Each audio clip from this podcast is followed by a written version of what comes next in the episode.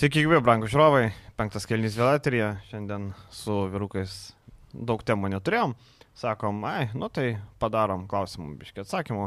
Porą temelių yra, e, reikia užpildyti eterį, kaip kažkada sakė legendinis treneris Jasikevičius, reikia užpildyti e, puslapius. Tai vad, e, pildom puslapius, pildom eterį. Vilius vėl žiauja. Ankstyvas rytas, ne? Ankstyvas, nu, toks. Anksti kėliausi labai ir vėlai nuėjau miegoti. Ne, tai va, praeitą savaitę sako, gal geri, sako, nu, mėgojau keturias valandas, tai nelabai geri. Tėvystės reikalai, įprasta. Nu, tai va, va. Kiek tai... laiko pamiegot gauni normaliai?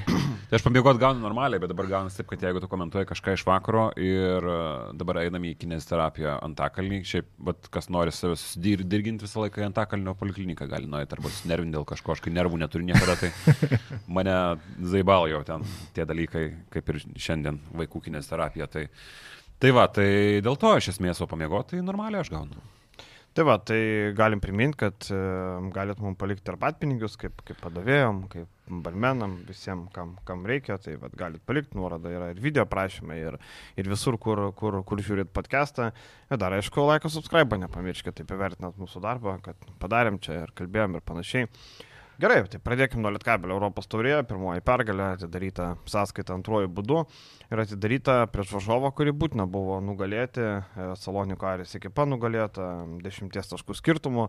Rungtynės tokios 3 e, kėlinius taškas į tašką, ketvirtam pavyko šiek tiek atitrūkti ir ramiau užbaigti rungtynės. E, Tautvidai komentavai Papasakok savo įspūdžius. Papasakos tai, kad man pirmie du kelniai tai žiauriai nepatiko, ar tai, kad pirmavo lietkabelis po pirmų dviejų kelnių man buvo daugiau atsitiktinumas, nei kad kažkokia lietkabelio tendencija, nes, nu, kai tu pirmauji dvi, suklydęs 12 kartų varžovai meta 17 procentų tritaškus, kurių dalis tikrai nebuvo tokie jau prasti, nu, tai nebus testinumo tokio, tokio žaidimu ir tai pergalė greičiausiai nebūtų pasiekta, bet a, po pertraukos Lietkabelis iš tikrųjų perėmė iniciatyvą, ypatingai tai ryšku buvo a, ketvirtam kelinį, tai buvo turbūt geriausias Lietkabelio kelinys gynybos atžvilgių ir būtent nuo gynybos jie nusilaužė tas rungtynės, tai a, jeigu pirmi du keliniai buvo prasti ir norėjosi paburbėti, tai už pabaigą rungtynių ir tas pats Robertas Štelmacheris jau nusipelno, manau, geresnio šiek tiek žodžio ir be abejo apie Davido Sirvidžio. Geras rungtynės tikrai verta kalbėti. Tie tritaškai gal vėl nesukrito kažkokiu aukštu procentu, berots 2 iš 7, jeigu gerai atsimenu. Bet Sirvidis šitai komandai duoda daugiau negu tik tolimi metimai, jo geras žaidimas su kamolius priverstas daryti galbūt ne tai, kad priverstas, bet daro tos dalykus, kurių nelabai kas ir tikėjosi iš jo daug, daug kas galvoja, kad bus tai tik spotap metikas. Bet prieš važiuodamas į džilygą jisai ir draskydavo. Nu. Tai, žinai, tai Bet ten išapdarė tiesiog spotą metiką. Ten jis įmetika, žinai, dėl to, kad jis ten e, neturėjo tokių fizinių savybių, greičio savybių, o čia Europoje jų pakanka. Tai ir vyčio draskimas nėra kažkas naujo jo žaidime. Kaip ir sutinku, bet iš esmės jis tai daro dabar geriau negu tai, ko iš jo buvo tikimas. Iš jo buvo tikimas vis tiek tolimų metimų, pagrindinė tritaškai ir toliau 2,7 tikrai nėra kažkoks aukštas procentas, bet visi kiti dalykai atrodė labai gerai, tiek, kad ir toliau trūko lietkabeliui vadovavimo komandos žaidimui. Pirmi du keliniai, tos vėl klaidos prie spaudimo pamesti kamoliai, nenukeliauja kamolys ten, kur reikia į pranašumo situacijas, tai tas badėkis, bet tokiuose rungtynėse svarbiausia iškovota pergalė pergalė ir na, aš vis tiek matau tą lietkabelio žaidimo kreivę po truputį kylančią viršų, ką mes matėme pačiose pirmose rungtynėse su Neptūnu tai buvo visiška katastrofa ir natūralu, kad ta katastrofa buvo atsižvelgusi visas a, tos dienos aplinkybės. Dabar mes jau matom mažes, mažus, tačiau žingsnelius į priekį. Ir jeigu lygintumėm irgi rungtynės a, su Podgorica, jau šitas mačas buvo geresnis. Billy, aš dabar prisiminiau, tu sakai, kad spotop metiką bandė padaryti kažkada už Atlanto iš Sirvidžio dabar, tai prisimenu, kad iš Sabonio kažkada, kaip dabar juokingai skamba iš Sabonio, buvo bandoma padaryti spotop metiką iš kraštų, Billy Donovanas kai Thunder treniravo, tai buvo dabar labai jokinga prisiminti šitą dalyką. Man tai nepatinka tas pats dalykas, kuris tęsiasi ir jisai tęsiasi ir aš nematau čia šanso progreso, čia pirmo numerio klaikiai reikia. Jeigu tu nori kažko siekti, jeigu tu, tavo tikslas yra tiesiog būti tarp keturių stipriausių Lietuvoje ir kažką tai padaryti namie, vieną kitą varžovėlį pasigauti, va tokį kaip Aris.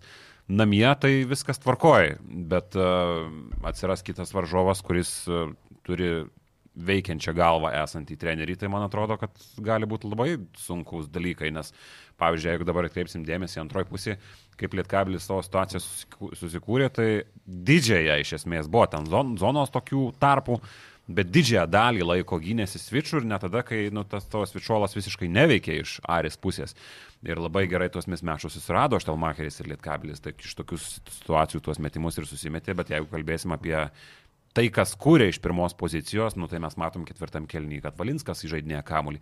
Geras žaidėjas, aš nieko nesakau, bet jis ne pirmos pozicijos tokiam lygiai žaidėjas ir su tuo nu, turi problemų, tada ką mes turim pirmo, tai Sabetskis, nu, Sabetskis, nu, nėra ko gero Europos taurės komandos, kurios nori kažkokio rezultato patekti kitą etapą į žaidėjas. Tai sakykit, ką norit. Tai čia lygiai tas pats. Aš nelabai supratau Paris trenerio, kuomet rungtynės lūžo. Jis taiko tą pačią gynybos sistemą, jis ir toliau keičiasi, pasičiapsėdamas Lietkabilis ten tą svičiolą valgo. E, jokio tai mato, kai Lietkabilis eina į e, atkarpą 8-0, tai Aris paliko labai slogų įspūdį, nors ten individualiai atrodo, kad ten tų žaidėjų visai ir yra.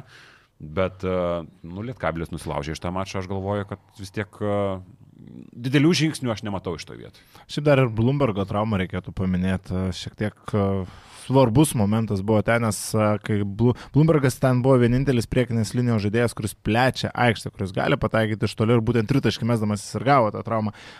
Tiek Sonogo, tiek Desauza labai panašaus tipo profilio žaidėjai, tai besikeičiantis aukštūgiai, mobilus ir jie darė problemų su to besikeitimu pirmojo rungtinių pusėje, ypač šitie du aukštūgiai perimetre, kai perimdavo tos kamuolius ir bėgdavo į polimą. Bet paskui jo, viskas buvo užatakuota ir dar jie prisirinko pražangų, a, kaip tik Desauza dėl ketvirtos pražangos turėjo atsisėsti ant suolo ir tuomet Lietkabelis ir nusilaužė rungtynės. E, dėl tų e, organizavimo, tai man atrodo, Lietkabelis lauks Bičkausko, ar ne? Bet aš nežinau, ar Bičkauskas įspręsta. Nu, tu tesk jo, aš. Nu, ko gero. Tai va, aš nežinau, ar įmanoma, bet e, turbūt tokių judesių organizuojant žaidimą, manau, kad nieko nebus, kol nepasveiks Dovis. Pamatys Dovis, gali, negali, kaip gali, tada gal priims sprendimus, bet Paštelmacheris įsikasė duobėsi, norėjo atakuojančio e, žaidėjo, kuris gali rinkti taškus, pasirinko Valinską, tai turi su tuo gyventi. Tai čia, žinai, vienoje pusėje treneriui ką daryti, kai negali persivaryti vidurio, kitoje pusėje treneris pas mus nutarė tokį žaidėją turėti. Tai Bet tai vietoj Deiviso jie kažką turi pasirašyti. Tai kaip vietoj Deiviso Valinskas? Čia Valinskas vietoj Deiviso skaito? Bet tai aišku, Valinskas anksčiau prieš Deivisą atvyko. Tai... Nu, tai atvyko tam, kad nes baiginėjosi peržiūra, buvo traumuotas Bičkauskis, okay. jiem reikėjo žmogaus. Čia buvo su ta mintim, kad e, jie jau žinojo, kad jie Deivisą nusims. Tai aišku, taigi buvo rašyta, Vilio, ar tu neskaitėjai? Nu, neskaičiau, pas mus rašyta. Labai keista atrodo šitas dalykas. Taip, nu, okay, gal. Tai jie Deivisą pakeitė Valinsko, o Sabeskis pavaduoja Bičkauskį, viskas. Nu. Tai buvo Deivis, būtų, šiuo atveju, jeigu ne Valinskas, būtų Deivisas su Sabėcku. Arba jeigu nu, jums čia netrūksta. Tai aišku, kad trūksta, bet treneris, taip, bet treneris taip norėjo, reiškia. Nu. Ką žinau. Nu, Jei pagrindinį žaidėjo poziciją, to tokio atakuojančio, kuris gali rinkti taškus, paėmė Deivisą, matė, netempė, sako, valė, davai man valę, paėmė valę, Deivisą paleido. Nu jo, bet kai tu matai, kad Valinskas įžaidinės, koreris įžaidinė kamuolį, kuris net nepratęs to daryti. Nu, ir okay, kitas žmogus, kuris tai vaduoja, yra Varnas. Jis turėjo momentų, kada jis įžaidinėjo, viskas tvarkoja, bet nu jis nėra žaidėjas. Ne, ne. Ką ne. tu nori padaryti su tuo? Ir Bičkauskis pasveiks po traumos. Nu ir ką? Tai va, tai aš ką ir sakau, ir ar tai pridės daug kūrybos, ar Bičkauskis daug geresnis už Sabetskį. Tai va tokie va klaustukai, bet čia dar ilgai jų nematysim, kiek čia dar porą mėnesių liko, tai čia per porą mėnesių gali palaidoti Europos taurę per, su, su tokiu organizavimu. Aišku, galima ir laimėti ir be organizavimo, bet tada tu turi turėti nu, individualiai labai gerus žaidėjus, ne, tarkim, kaip Žalgris turi Kinaną Evansą, tai Lietkabelis neturi Kinano Evanso, nei vienas iš tų žaidėjų nėra toks geras, kad galėtų traut komandą, kad jie turėtų komandą bent vieną tokį, kuris, na, tikrai galėtų vienas ant savęs pasimti. Yra pavienė, gali Sirvidis, gali Valinskas, ten gali Aurelikas, bet jis Aurelikas, nu ką, jisai ne, ne, ne perimetro žaidėjas, kuris pats susikūrė, jisai įsimesti, spotop ar ne. Tai tie veikia su Aureliu. Tai taip, taip, bet, bet tai ne tas, kur pasims ant savęs ir vienas prieš vieną pradriblinguos ir įsimežinai. Tai, tai Lietkabelis gyvens, nu ką daryti. Iš Varno galbūt šiek tiek buvo tikimas irgi, kad daugiau to tos lyderystės bus, bet a, ta, tai Varnas nemažai ir kamolį žaidinėjo, persvarinėdavo tą kamolį, bet iš to ir gavosi trys klaidos ir toj pirmoji pusėje nei Sabetskis, nei Varnas to nedarė kokybiškai, antroji pusė jau jau viskas tvarkoja. Tai va, ir Lelevičius irgi Europos turėjai bus statistas, akivaizdu. E, nieko čia nepasikeis. Čia jau buvo ir klausimas, ar Lelevičius siūstumėte į Kėdainius šitą vietą? Į Kėdainius? Blemba, į Kėdainius nežinau, ar į Kėdainius siūščiau. Nu, tarkim, kažkur LKL į To, Man įdomu, ar kontraktai yra galimas tas rekolas vadinamas, pasikvietimas atgal, kaip, pavyzdžiui, būna futbole, jeigu tu skolini Mhm. žaidėją, gali traukti, gali būti susigražintas arba negali. Tik tai futbole, aišku, yra vienas langas, nu jeigu tu paskolini vasarą, tai galėsi pasikviesti sausio mėnesį. Uh, Tai krepšinį žagaras, man atrodo, turi šitą šeimą. Jo, turi tą rekolą, bet, bet va- vargiai tikėtinas turbūt. Tai va įdomu, kaip Lelevičius atveju. Man atrodo, kad e, to rekolo nėra, aš taip galvoju. Nors gal. Gal susitart kažkaip galima, nes šitoje situacijoje aš nematau, ką Lietkabelis gauna iš Levičiaus, apart to, kad treniruotėse Mhm. žmogų ir galbūt LKL šiek tiek praplečiant į rotaciją. Lelevičius irgi vargu ar kažką gauna, nes tu žaidži komandai, kuri na, daug laiko treniruotis neturi, o daug keliauja, daug žaidžia ir tu nežaidži, žaidžia kiti. Žalgiris tuo labiau turi savo žaidėją paskolintą, kuris nežaidžia. Tai, manau, Tai nebūtinai, žinai, neviešiai labai toks žemas į Jonavą. Siunčiam į Jonavą. Tai reikia gynėjo tikrai. Ir Jonavo tikrai gautų tų minučių. Kam siūsti į dugną, jeigu galim siūsti geresnę komandą. Jo laparčiau Kauno, žinai, tai... Tai Kedainė ir Jonava labai nesiskiria. Nu taip, bet vis tiek, žinai, Gal komanda... Septynių minučių skirta. komanda, komanda geresnė, žinai, kaip bebūtų, yeah. nu, ten nevėži visiškai neviltis pasižiūrė, tai, nu, košmaras, lauksim pirmų permainų, aišku, žinai. O šiaip e, pamatysim, net kabelis, kokioje formoje ir ką gali, du mačiai išėlės LKL labai įdomus. Tai trys, šį šeštadienį su Vulsais, tada toliau rytas laukia. Tai vat, e, Ir po to Žalgiris. ir Žalgiris dar laukia. Trys mačiai. Nu, tai prie Žalgirį ten, žinai. Tai ką galim, eit prie kitos temos, e, LKL įvyko reikalų, tokių įdomių reikalų, ar ne, kur e, teisėjai vienam epizodė dvi klaidas padaro. Pirmiausia, Liujisų žingsniai, vėliau pražangos nebuvo prieš jį. Šeškos magija, lieka magija iš vienos pusės, kad pasiseka vis, antrą sezoną išėlės sekasi. Ir e, blemba, man tai labai su tom peržiūrom nepatinka, kai teisėjas ateina peržiūrinėti ir jisai mato, kad ten akivaizdžiai žingsniai, akivaizdžiai yra bauda, e, nėra baudos tiksliau ir tu nieko negali padaryti. Tai man čia, nežinau, idiotizmas yra. Aš pasakai apie Šeškaus magiją, pagalvojau iš kitos pusės dar. Įsivaizduok dabar iš toj situacijai, teisėjai būtų sušvilpę, tarkim, arba žingsnis, arba pražanga, nu tai jau teisėjas turi užsi... e, Ciklint, įsidėti savo į galvą, kad jis turės ir išvaryti češkų tose rungtynėse. Taip, taip, taip, Šimtų procentų būtų dvi techninės diskvalifikacinė ir tu dar a, a, turėsi konferencijoje paskui klausyti Češkaus nusiskundimus. Tai ir nebus čia taip, kad Češkaus tas spaudimas nuolatinis a, teisėjams jam duoda, pradėjęs yra duoti naudą. Ne, nepradėjęs, nes teisėjai visą laiką žino, apie ką yra kalba ir teisėjai, nu, jie irgi daro skautingą apie kai kurios dalykus ir šiaip dažnai, dažnu atveju, nu, aišku, Šaro autoritetas, tarkim, yra kitoks, kai jis LKL dirbo, bet dažnu atveju tas reikimas tau tik tai atneša daugiau žalos, nes teisėjas nuo tavęs įsijungia buferį savotišką. Čia buvo ir, nu, pavyzdys iš kito lygio visiškai, bet a, buvo pasaulio čempionate graikai. Labai verkiai. Lietuviai pasakojo paskui kažkada ir off the record, ir, ir į mikrofonus, kad nu, tiesiog tokios situacijos reikia nesivelt, nes teisėjai patys sako nesivelt, nes bus tik blogiau. Geriau išlik antriai, pasižiūrėk iš šono ir viskas. Tai šis treneris lygiai tas pats ir Šeškus, kiek ir su teisėjas yra tekę pakalbėti, nu jis turi savo autoritetą, kad etiketė, kad jisai lipa ant teisėjų ir labai dažnai be pagrindo lipa, nėra, nėra tam jokios argumentacijos. O kalbant apie teisėjus, tai man atrodo šūkys į tokią nemalonę situaciją antrą kartą papuola. Nors per- ne jis suspenduotas. Ne jis suspenduotas, Ne, ne, ne bet jis tose rungtynėse, jo, bet tose rungtynėse būna kažkaip nepasisekė. Ir su bet tai yra antros, dar tik pabaigsiu antros rungtynės per du sezonus, kai Jonava gauna padovanojimą pergalę. Pernai jiems tas pats buvo žaidžiant su garždais, kur irgi nesužfiksuota pražanga prieš Osborną. Tai kaip ir, jo, aš sutinku, kad teisėjai viską žino apie šeškur ir taip toliau, bet du kartus a, tai jau nėra atsitiktinumas. Žinot, du kartus. Kas- Vienintelė komanda, kurią LKL taip apdovanojo teisėjai, yra Jonava. Man yra du dalykai, kas yra neteisybė galbūt šiuo metu. Tai yra 4-0 Jonavos Taip. ir 0-4 mažiekių. Nu taip. Ne, taip. gerai, mažiekiai nėra neteisybė. Ir bet- 0-4 pieno žvaigždės.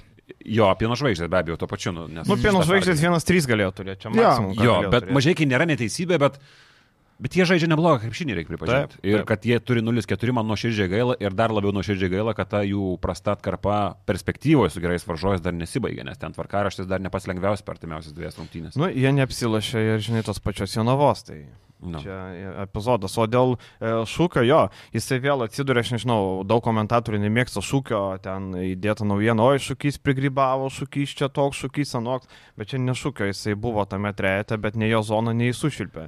Vien ten Lazaskas arba Vitkauskas, man atrodo, Lazaskas liktai, arba vienas iš dviejų, nenoriu pasakyti kuris, neatsimenu, bet e, ne šūkys toje situacijoje buvo. Tai, o to bausmė, taip, e, nuo teisėjimo iki spalio 30 dienos, tai čia vienam savaitgaliu, man čia nesąmonė apskritai, kažkokia lempa arba kažkokios, tai ką dabar, ką dabar pasvaliu daryti, ne? Žaidėjim duoda per psichologiją, per galvą duoda žiauriai tokie dalykai. E, tai ką dabar, atsiprašysiu, nu, sakau, Bet čia ne- buvo- nepalauk, yra žaidži kartą per savaitę. Yra vien, vienai savaitė. Taip, Čia taip. yra dvi klaidos vienu metu, čia realiai tokia klaida. Čia, Nu, dvi, atsiprašau, dvi. čia dvi. tu negali net sakyti, kad galėjo nulemti. Čia nulėmė rungtynės. taip, čia, taip, nulė, faktas. čia atėmė pergalę tiesiog. Aš nežinau, tokiu atveju čia vos negali atiduoti pergalę pieno žvaigždėms. Aišku, tu to nepadarysi pagal įstatus ir taip toliau, bet čia yra, nu... O galėjo, žinai, kaip pagal... visiškai. Galėjo nuėti peržiūrį, pamatyti žingsnį, teisėjas tada išėjęs sušilpti, panėra baudos, ten ir viskas. Bet, aišku, tai negalima pagal FIBO taisyklės, bet tai būtų buvę teisingai. Tai gal, ir- tokią gal ir reikia, vat, tokie va, įvykiai gal ir a, turi privers pagalvoti apie tam tikras korekcijas su peržiūrom. Jeigu yra padaryta akivaizdi klaida, teisėjai ir, ir tai yra rungtynių pabaiga, žingsnio? tai yra paskutinės sekundės, jau viskas laikas ištiksėjo, ten liko 60 Taip. sekundės ir kad tokiu metu, nu, tu gali užfiksuoti pražangą. Nežinau, Taip, taip. kažkokių korekcijų galbūt reikia. Yra, man atrodo, nu, vat, nežinau, sakysi, aišku, čia FIBA taisyklės ir panašiai pagal Europą. Kodėl ispanai pasidaro pagal save visą laiką? Kodėl mes negalim būti ir kažkur, Nu, no, kažkur prieki? Dabar pagal inovatyvūs. ispanus eina visa Eurolyga su challenge'ais. Tai kodėl mes negalim būti šitoje vietoje? Nes, nu, akivaizdžiai, jeigu mes turim peržiūrą, nu, tai Blembam, tai naudokim pagal paskirtį. Nu, Nu. Bet aišku, čia visam pasaulyje tas pats suvarų lygiai tas pats. e, Mes pasiemam Premier iš. NBA pavyzdį, kad galim atšaukti, ne, ir viskas, nu. Ir viskas, tai nėra jokios problemos. Dabar šitoje situacijoje būtų parodęs teisėjas, kad e, nieko nėra, ten žingsnė arba bauda polime, jeigu jis pats koją kiša, ne? Jeigu tu pats į kito besiginančio cilindrą kiši koją, tai tau prašanga polime tada. Tai tada tu rodai prašanga polime ir viskas. Ir, ir baigta, ir dzintai žingsniai, tai būnė. Bet... e, Tai mes tampam patys savo susikurtų taisyklių įkaitais, kai ta prasme pasižiūri teisėjai iššūkį, peržiūrą ir jie negali pakeisti. Bet kaip nemalonu turi būti, ne? Tu, tu matai, blemba, kad čia yra blogai, bet tu nieko negali padaryti. Tu esi mm. kaip krentančiam lėktuvė sėdit, kur tu nu, nieko negali padaryti. Tai čia tikrai labai nemalonus ir teisėjo e, reikalas. Tai va, tai jo, dėl pasvalio, žinai, mažai iki vakar vėl pralaimėjimas vienu tašku Neptūnui, žinai, vėl e, Kiltinavičius prisėmė kaltę, panašiai.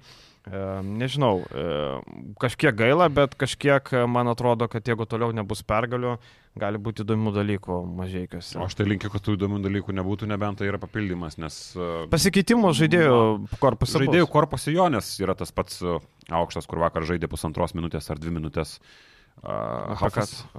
Kėlėbas Hafas, gynėjas. Hafas. Gynėjas, jo, sumaišiau. Jo. Tai lygiai taip pat, tai, nu, sunkiai integruoja. Taip, nes Gesas atvažiavo, jo, jo, jo nebereiks, tai- bando nutraukti. Bet iš esmės komandos sudėtis, viskas yra tvarkoja, kapotis dėl atkrintamųjų. Treneris, man atrodo, labai tvarkoja, žaidimas, man atrodo, labai tvarkoja. Man patinka, kai šitą komandą žaidžia su momentais gynyboje, gal kur vakar irgi Kiltinavičius pasakoja, kad uh, pasakiau svičintis ir mes darom visai atvirkščiai.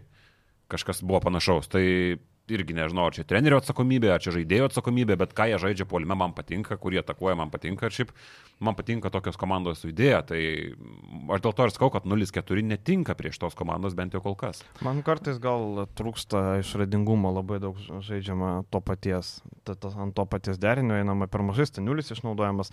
Vakar staniulis vos penkis metimus gavo įsimesti. Jisai aikšteliai, kai yra, nu reikia jam kamolių duoti, jisai vakar kamolių beveik negavo.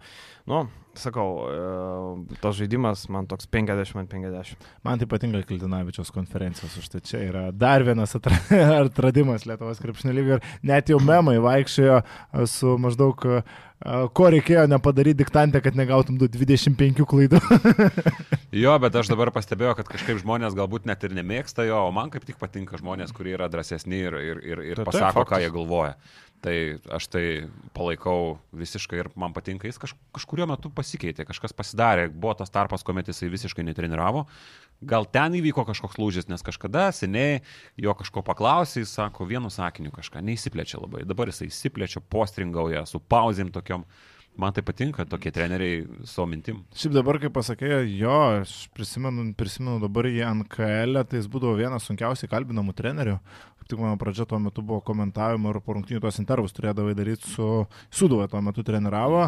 Tai Kiltinavičius būdavo tas, kurio nenorėdavai šiaip kalbint, kuris, kurio paklausys, atsako vienu žodžiu taip, ne, nežinau. Va, Buvo, tokie buvo, būdavo jo atsakymai. ne iš, ne iš kažkokio tai Ne, iš, ne. iš, iš pizdėjimo, bet jis buvo tiesiog toks, o dabar jisai kažkoks yra kitoks, kur Dabar jis reikia ant gedrelio. dabar jis reikia ant gedrelio, gedrelio susitikti. 25 klaidas, gedrelė, ką tu nesupranti? Bet e, man, nežinau kaip jum, man tai konferencija, kur yra neužbaigiami žodžiai, yra šiek tiek, man atrodo, kažkiek vaidybos gal įpintai, tai nežinau, man natūraliai, nu, jūs tą pačią konfą kalbam, po žalgį rungtynį. Jo, jo. Ten, kur keturis žodžius išėlės tu neužbaigė, nu, nežinau, man nenatūraliai atrodė. Leiskit, O man aš yra, aš nevardinsiu pavardė, man yra daug nenatūralesnių LKL trenerių, Tai netgi faktas, faktas. Feikinių trenerių. Faktas. Uh, aš Kiltnavičių laikau šito vietoje. Dėjo kortas ant stalo. pakankamai, ne, net, net neturiu reikalo aš čia sakyti, bet čia gal kažkiek yra asmenio, gal santykiai Okay. kažkur yra, bet, bet nu, man Kiltnavičius patinka žiūrėti į žmogų ir skaityti kaip knygą, nes jis atrodo, kad tau viską pasako, tu paklausi. Tai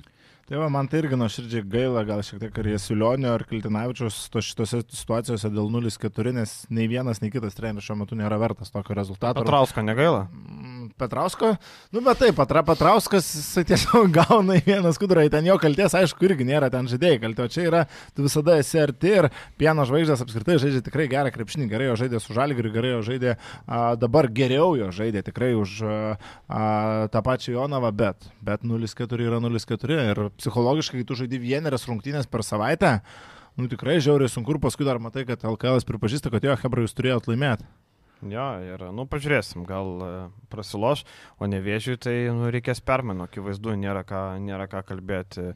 Toli nuo, nuo galimybės kovoti su kažkokiais varžovais. Su garždais gali. Su garždais pirmadienį, garždai bus e, turbūt e, su vienu vidurio palėjo Tadu Karaninu. E, Kararinu, atsiprašau. Kararinas. Taip, e, Mhm. tai bus su vienu juo, nes Topino nebeliko, Julius Jucikas yra pakeliu į Iraną, e, tai viskas, nebent atsiveš čia ryt po ryt, nebedaug liko. Tai Garždai dar viena problema. Realiai Garždai ir Nevėžys yra dvi tokios komandos, dėl kurių LKL šiek tiek turėtų būti, nu nežinau, ne tai, kad gėda, bet tai, kad nu, mušo lygį gerokai. Bet žinai, nevėžys, nu, okei, okay, šiemet yra problema, mes Taip. tinkam pernai, mes gyrėm, žavėjomės ir mylėjom nevėžį, šiemet tai yra problema, galbūt kitais metais vėl bus geriau, nu, ta prasme, tu negali šito klubo nurašyti garždai, kol kas žaidžia antrus metus LKL Tai dėl- ir dėl žaidimo. nieko. Dėl žaidimo aš kalbu, Jo, ne, tu, dėl nieko. Tai faktas, kalbam Nu. tik apie šių metų žaidimą, tai taip, nevėžys irgi nieko neduoda lygiai, bet vis tiek tai yra didesnės tradicijas turintis klubas, turintis savo areną ir jis tam LKL, nu, kaip ir nekrenta stipriai iš konteksto kitais klausimais. Garždai ką čia veikia, nu, tai jie patys turbūt žino. gal judėkime prie tautiečių klausimų. Jo, jo, gerai. E, sako, ką manote, ar Uliackas tempė ryto lygį? Geras klausimas ir e, nes Uliackas šiaip prastai atrodo. Aš tikėjausi tuo metu sezono starte, kad e, kai nėra Radzevičiaus, Uliackas tikrai galės žaisti gerai. Bet jis turi minučių daug, o statistika yra ten 4 balai, ar ne, ar ten 5 balai e, per 20 kelias minutės. Tai mane nuvelia Uliackas ir man atrodo, kad e, po šio sezono, jeigu taip ir toliau, tai jam vietos nebeliks. E, Man atrodo, kad nebėra nei labai jaunas žaidėjas, nei labai tobulėjantis. Tarkim, e, Jeigu prieš Lietkabelį finalę sužaidė kelis mačius, pasirašė kontraktą, praeitą sezoną aš neatsimenu jo gerų mačų, labai krisdavo iš kontekstų iš čempionų lygoje, tarkim LKL e dar dar, bet čempionų lygoje būdavo labai prastai, šiame sezone kol kas startas prastas. Bet tas prastas startas labai stipriai sėtina su prastu pataikymu, ten berots apie 7 procentais tritaškius metą kažkas. Tai per paskutinės tai... dviejas savo rungtynės pataikė nieko iš 8.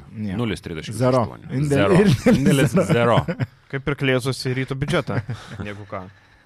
Tai e, nežinau, ar jis yra 7 procentų tritaškų metikas. Aišku, faktas, kad tie skaičiai, kai nėra Radzevičiaus, visi tikėjomės, kad bus didesni, bet aš jį kaip rotacijos žaidėją, kuris duodavo būtent tą tritaškį pakilusi nuo, pakilęs nuo suolo, aš mačiau. Dabar, kai yra tas svarbesnis vaidmuo, jis to svarbesnio vaidmens neneša. Tai čia toks turbūt ir esminis skirtumas, jis gali būti suolo galo žaidėjas ryte. Tik Aš dar nedarau jokių išvadų. Tai- pradžia, dar ne. neįvažiavęs tai sezoną. Bet ir praeitas nebuvo geras. Ir praeitas nebuvo geras, tai, bet nežinau. Aš manau, bet koks tas yra ryto lygis. Aš nemanau, Žinai- kad jis suolo galo žaidėjo, suolo rotacijos žaidėjo vaidmens jis netempia. Aš tai nemanau. Aš va tą patį irgi sakau, tai žinai, čia irgi labai greitai mes mėgstam nurašinėti žaidėjus, gytimas siūlį jau visi po lapais dėjo, nežinau, N, N kartų ir uh, siūlė karjerą baigti. Dabar mes matom, kokį proveržį padarė gytis. Mėnesio MVP. Mėnesio MVP. Bet palaukit, aplinkybės irgi. Aplink... Nu, tai taip, taip viskas tvarkoja, bet Tuliauskas tai turi kartais, aplinkybę, vieni pasinaudoja, kiti Taip. kartais Būtent, pavyksta, kartais nepavyksta, nu, tai čia yra procesas ilgas, tai dabar, žinai, a, pasiskaitytum, m, jei paskaitai komentarus ar tą nuomonės apie Mareką Blaževičių, tai viskas po žaidėjo, bet kartais pamirštama, kiek jam yra metų ir kad jis Jau siūlė man į podcastą kitam sezonui Taip. bydinti. Taip, tai mes kartais pamirštam, kad tai yra jaunas žaidėjas žaidžiantis stipriausioje Ispanijos lygoje. Kitas Nu, dalykas, čia prijungsim, nes buvo klausimas, mačiau apie, apie Blaževičių, tai labai nepakišo, labai pakišo koja, kad uh, Mončio Fernandesas, tas ilgametis jų treneris, labai norėjo komandą šalia to ir Artiomo Pustovojos. Ką jūs rinksitės, Pustovojų ar Mareką? Nu, sorry, aš statau Taip. Mareką, tai už tai liūto dalį minučių ir juo labiau ukrainietis dabar Tu parodo. tai ukrainietė. Tu sakai pustavoju. Ar Mareką tu rinkėsi vietoj pustovojus? Ne, ne, sakau, ukrainietis statau. Ir Ne, pas- tu tu pasakė paskui pasakė Mareką. virkščiai, tai mes Ne? ir Ne, ne, sureagavome. Pustavoju, aišku, jis starto penketė už tai ir žaidžia ir didžiąją dalį laiko ir praleidžia aikštę. Ir mes dabar, jeigu pažiūrėsim jo statistiką, tai jisai vienas lyderiaujančių komandų žaidėjų. Tai Mhm. trumpai tariant, tas pirkinys labai nepadėjo Marekui. Bet turbūt e, logiška, kad jeigu treneris labai pasitikėtų Mariku, nepirktų jo poziciją tokio žaidėjo. Nereiškia, tu matai problemą toje pozicijoje, nes kitaip tu nepirki tada tokio pajėgaus žaidėjo. Tu tada pasiemi, kaip praeitą sezoną buvo, kas ten Viniokuo, ne, buvo liktai pas juos. Ne, o ko Ne, ne, ne praeitą, už praeitą sezoną Okuos- buvo, jo. Pernai neprisimenu, kas. Pernai kažkas buvo, jo, o kuo buvo toj Saragos. Saragos, kas Demontas. Jo.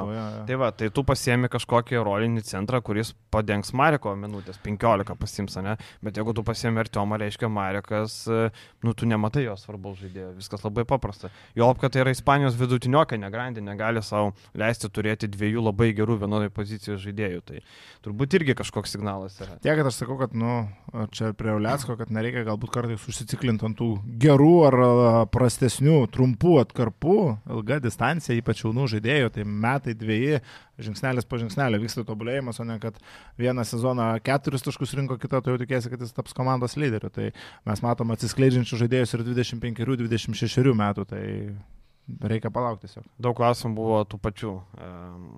Dėl žalgerio nuo jo, kuo domisi, kaip panašiai. Tai žinokit, jeigu sužinotume, kuo domisi, tikrai portale atsirastų naujiena greičiau negu ateitų. Nelauktume podcastas. savaitę laiko podcast'o. Nu, turbūt, kad nelauktume šito dalyko.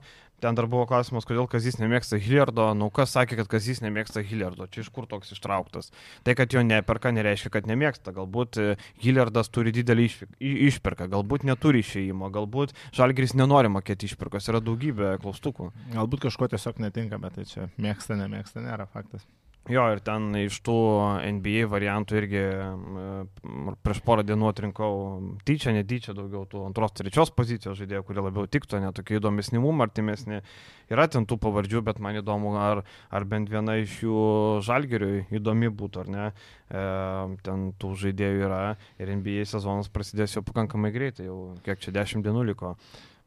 Bet iš to, ką kalba Žalgiris, aš įsivaizduoju, kad mums tiek būtent NBA opcija yra realiausia, nes kiek kartų pakartota, kad mums reikia žaidėjo, kuris iš karto duotų naudą, kuris darytų skirtumą. Tai ar dabar kažkas paimtas iš FIBA čempionų lygos komandų tau iš karto pradės daryti skirtumą, jeigu tai būtų skirtumą darantys žaidėjai, jie nebūtų FIBA čempionų lygoje. Čia buvo kaip tik klausimas su Izraeliu susijęs, ką būtų galima paimti ten iš Tel Avivo HPL, iš Jeruzalės HPL, jeigu iš ten mm. pradės e, iš, išsivaikščioti legionieriai, tai tu matai tokį Brianą Angolą, čia nėra didelio mokslo, bet ar, Aš Brian, pirmadienį jau minėjau, kaip tik. ar Brianas Angola tau duos kažkokią naudą iš karto Eurolygoje, nu aš abejoju, ar čia yra tas žaidėjas, kurio žalgiriui reikia, kai jis turi dabar laisvą milijoną.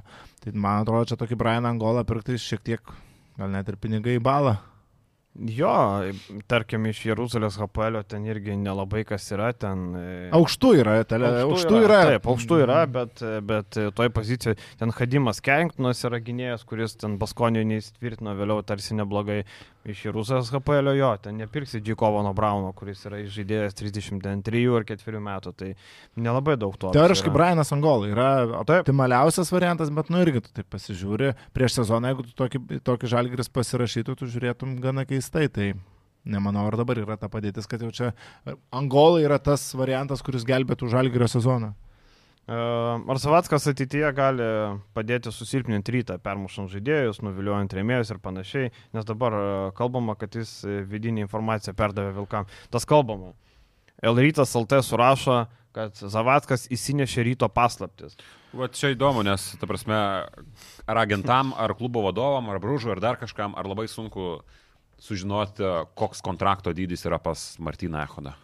Kokia čia yra informacija, kokia čia yra paslaptis. Nu, čia tarsi O yra... tai koks skirtumas jo kontraktų dydis? Ateis vasarą, skambinė agentui, norim Echodą, sakys, me- mes Echodą norim Tai už du apie tą penktą. ir kalbu iš esmės, kokia, kokia čia paslaptis, kur, kur čia yra problema įsiaiškinti. Tik apie kontraktų dydžius dabar Wolves žino rytą iki smulkmenų, žino Bet o- kaip jie, kaip O ką? O ką žino?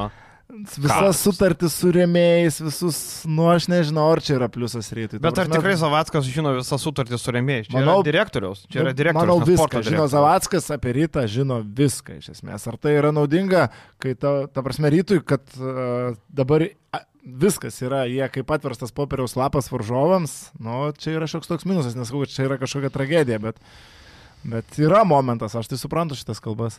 Aš tai nelabai suprantu. Nelabai irgi suprantu, nes šitoje vietoje, ta prasme, o remėjai ką? Žino visus procesus, kaip vyksta ryte, kaip vyksta dėrybos, kaip vyksta, su kas yra, kuo yra domimasi ateityje, kas yra listuose, sąrašuose, e, kas yra iš jaunų žaidėjų. Nu, tu visą informaciją iš klubo išneši. Tai dabar palauk. konkurentas. Karnišovas išėjęs iš, iš Denverio Nu, įsinešė paslaptis į bulsus ir tai labai padėjo. Nu, tai mes kalbam apie švis. Tai jo, nu bet šiaip, nu, net- kokios yra paslaptis, aš nežinau, nu kokius listus, nu tai kol rytas domisi, kas yra sąrašuose pas Mato Urbaną, ar tai yra kažkas groja labai.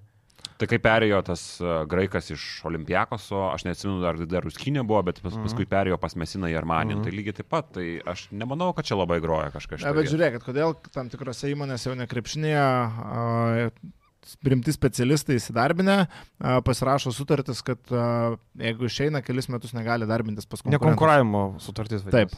Kodėl? Taigi ką, aš nežinau. uh, pagal, aš bijau dabar pasimauti ant terminų, bet lygiai taip pat pagal nekonkuravimo sutartį turi mokėti pinigus papildomus Taip. už tai, kad nekonkuruotų. Daug kažkas. Jo, taip. Jeigu tu nemokėjai pinigų, Taip, bet tai reiškia, ta sutartys- nekonkuravimo startis eina šiukšlydėžė. Bet, bet tai yra daroma. Tai yra reali praktika. Tai Tai jo, kažkodėl, bet- kažkodėl tai daroma. žinai, tai kas atveda yra- juokinga tame, kad moka, pavyzdžiui, komunikacijos žmonėm, ne? Komunikacijos žmonėm moka už tai, ką komunikacijos žmogus įsinės žinos, kad po pusės metų ten vienas prekybos centras paleis vienokią akciją ir so what.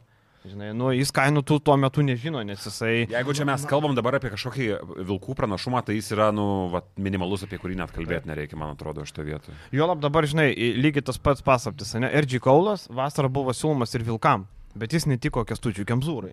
Tai čia nereikia turėti listų kažkokiu. RG Kaulas buvo ant stalo padėtas. Juventus norėjo, Vilkam buvo siūlomas ir Rytui. Ir Zavackas tuos listus pats ir sudarė, šiaip jau ryte. Plius tai minus. jis gali įsinešti, ką nori, čia jokios problemos Ne, nėra. tai Naujas negali. sporto direktorius, ar tai Dedas, ar tai kažkoks kitas sudarys savo listus ir jis jau jų nežino. Aš tik sakau, kad tai yra vilkų pranašumas ir dar pranašumas tas, kad tu susilpini savo pagrindinį konkurentą, kuris, okei, okay, iš to sezono stadijai tarsi ir nedega ieškoto naujo sporto direktorius ir jie pastatė a, dedą, a, bet iš esmės tai yra, tu atimi iš savo pagrindinio konkurentų specialistą, pasiimi jį pas save, kuris dar ir tą informaciją duoda. Tai yra didesnė nauda, negu tu pasimtum žm- žmogų tiesiog iš šono, mano nuomonė. Jeigu tu pasimtum nerytę dirbusi a, Donatą Zavacką, o Montaną Danacką iš, a, iš gatvės. Tai yra šioks toks pranašumas.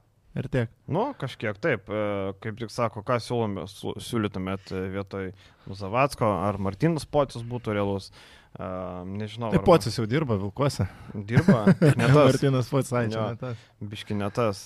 Sakau, aš tai pirmadienį pasakiau ir aš lieku su Židrūnu Urbanu. Man atrodo, čia šitoje situacijoje yra įperkamiausias žmogus. Ne, nebūtinai geriausias, aš manau, bet kad šitoje situacijoje yra, e, jo laprytas yra kvietęs jį, e, dar kai jis Juventuse dirbo, tai nebūtinai tai yra geriausias variantas, bet e, aš va, tokį, va, manau, kad tai yra toks, nu, toks realesnis. negu Martynas Kleizas Pocius. susigražint. Nu, Kleizas už Algrio Maikę, ne? Tai Aš manau, kad uh, Purliui nelabai yra šansų įlysti. Uh, aš Manau, kad jis senelys. Aš manau, jis ir pats ir prie gudelio, aš nemanau, kad gudelis. Nu, aš suprantu, kad yra bifas kažkoks minimalus, bet nenoriu dėl atsiprašau, to, bet- kas neturi bifą su gudeliu?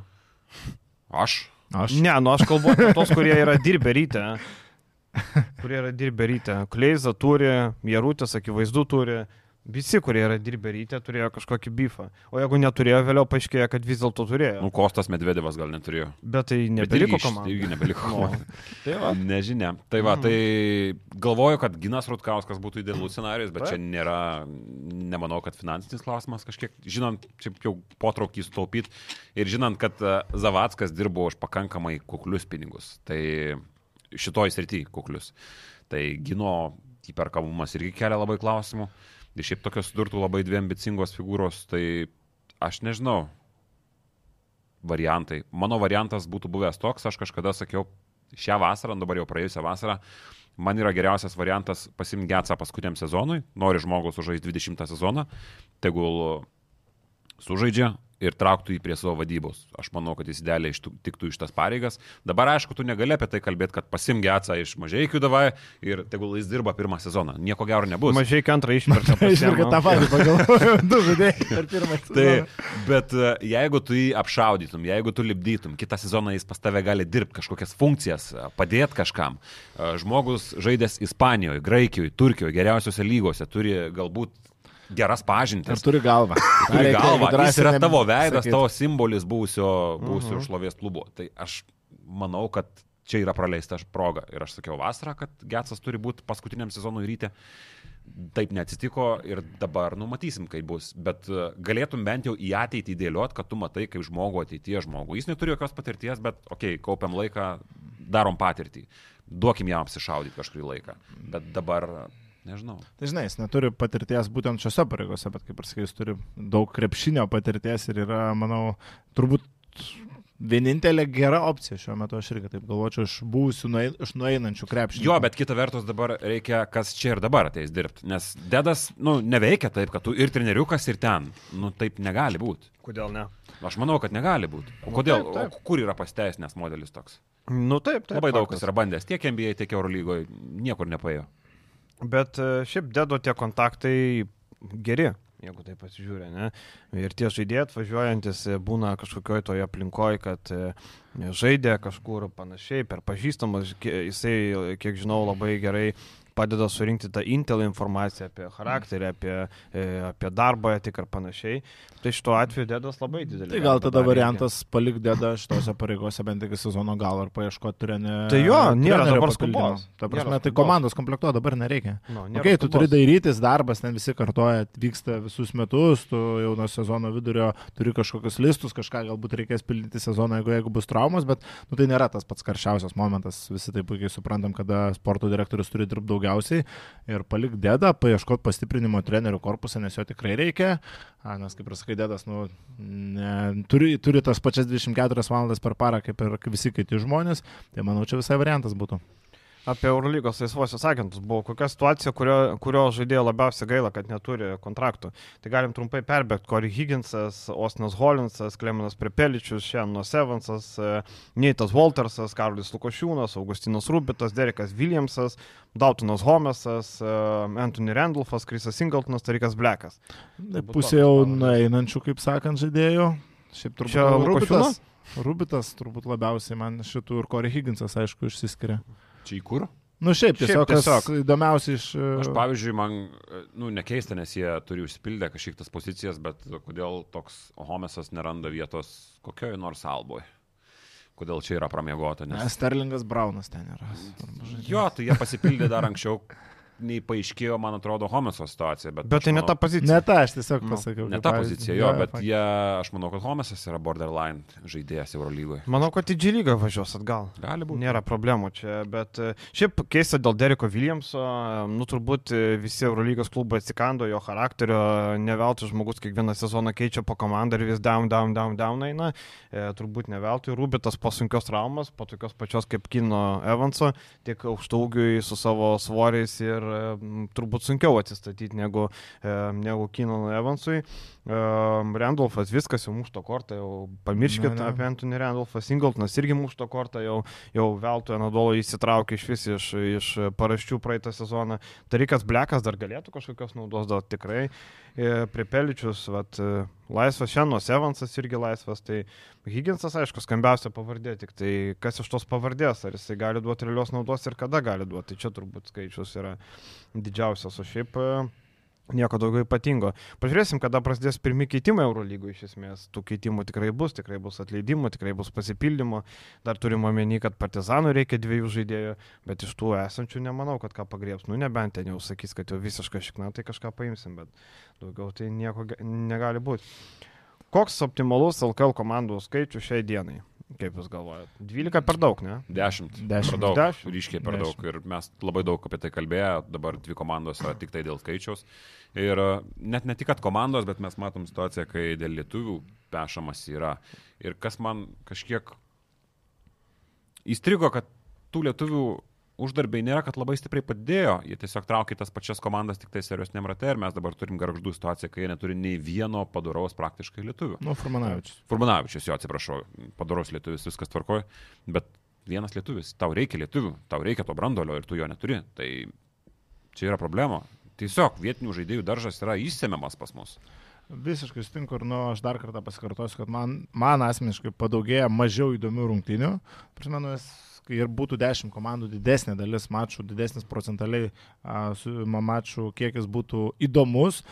Aš vis dar pasikartosiu, dar nesužaidė tarpusavėje nei vienų rungtynių a, komandos, kurios praėjusiame sezone finišavo to 5. Nu, šeštadienį jau bus. Jau bus šeštadienį, spalis, jau, Spaudžiam jau ketvirtas, penktas turas ir jau bus pir- Spaudžiam pirma- nykštį jau. Nebuvo dar ne vienos iki, iki tol. Kitas dalykas, ar mes šiuo metu, manau, net neturime 12 a, gerų arenų, čia yra kita problema, du klubai žaidžia ne savo namų aikštėje, čia dar vienas faktorius ir lietuvių trūkumas, apie ką tu labai gerai pastebėjai. Nu, tai aš nežinau, kiek įdomu stebėti tuos... Nepastebėjai, ne ką čia mes kalbam na, tą patį iš Jo, ta prasme, tai faktas, kad nu, tie legionieriai, okei, okay, kažka, kažkam pavyksta ištraukti kažką gero, bet pusės tų jų po dviejų metų neatsiminsi. Paklaus tavęs, kas prieš du metus žaidė garžduose, tu pasakysi du žaidėjus. Tai Ir aš nesutinku su nuomonė Jono Vainausko, su pagarba jam, jisai, man atrodo, sporto libės sporto bar- baro laidoje ar taip tam pačiam Palangos Olimpo podcast'e. Matėt Palangos Olimpo podcast'e? Mačiau, bet idėja nebloga. Jo, jo. Idėja aš tai gera. mačiau, kad padarytas, bet nesijungiau. dar. Jo, tai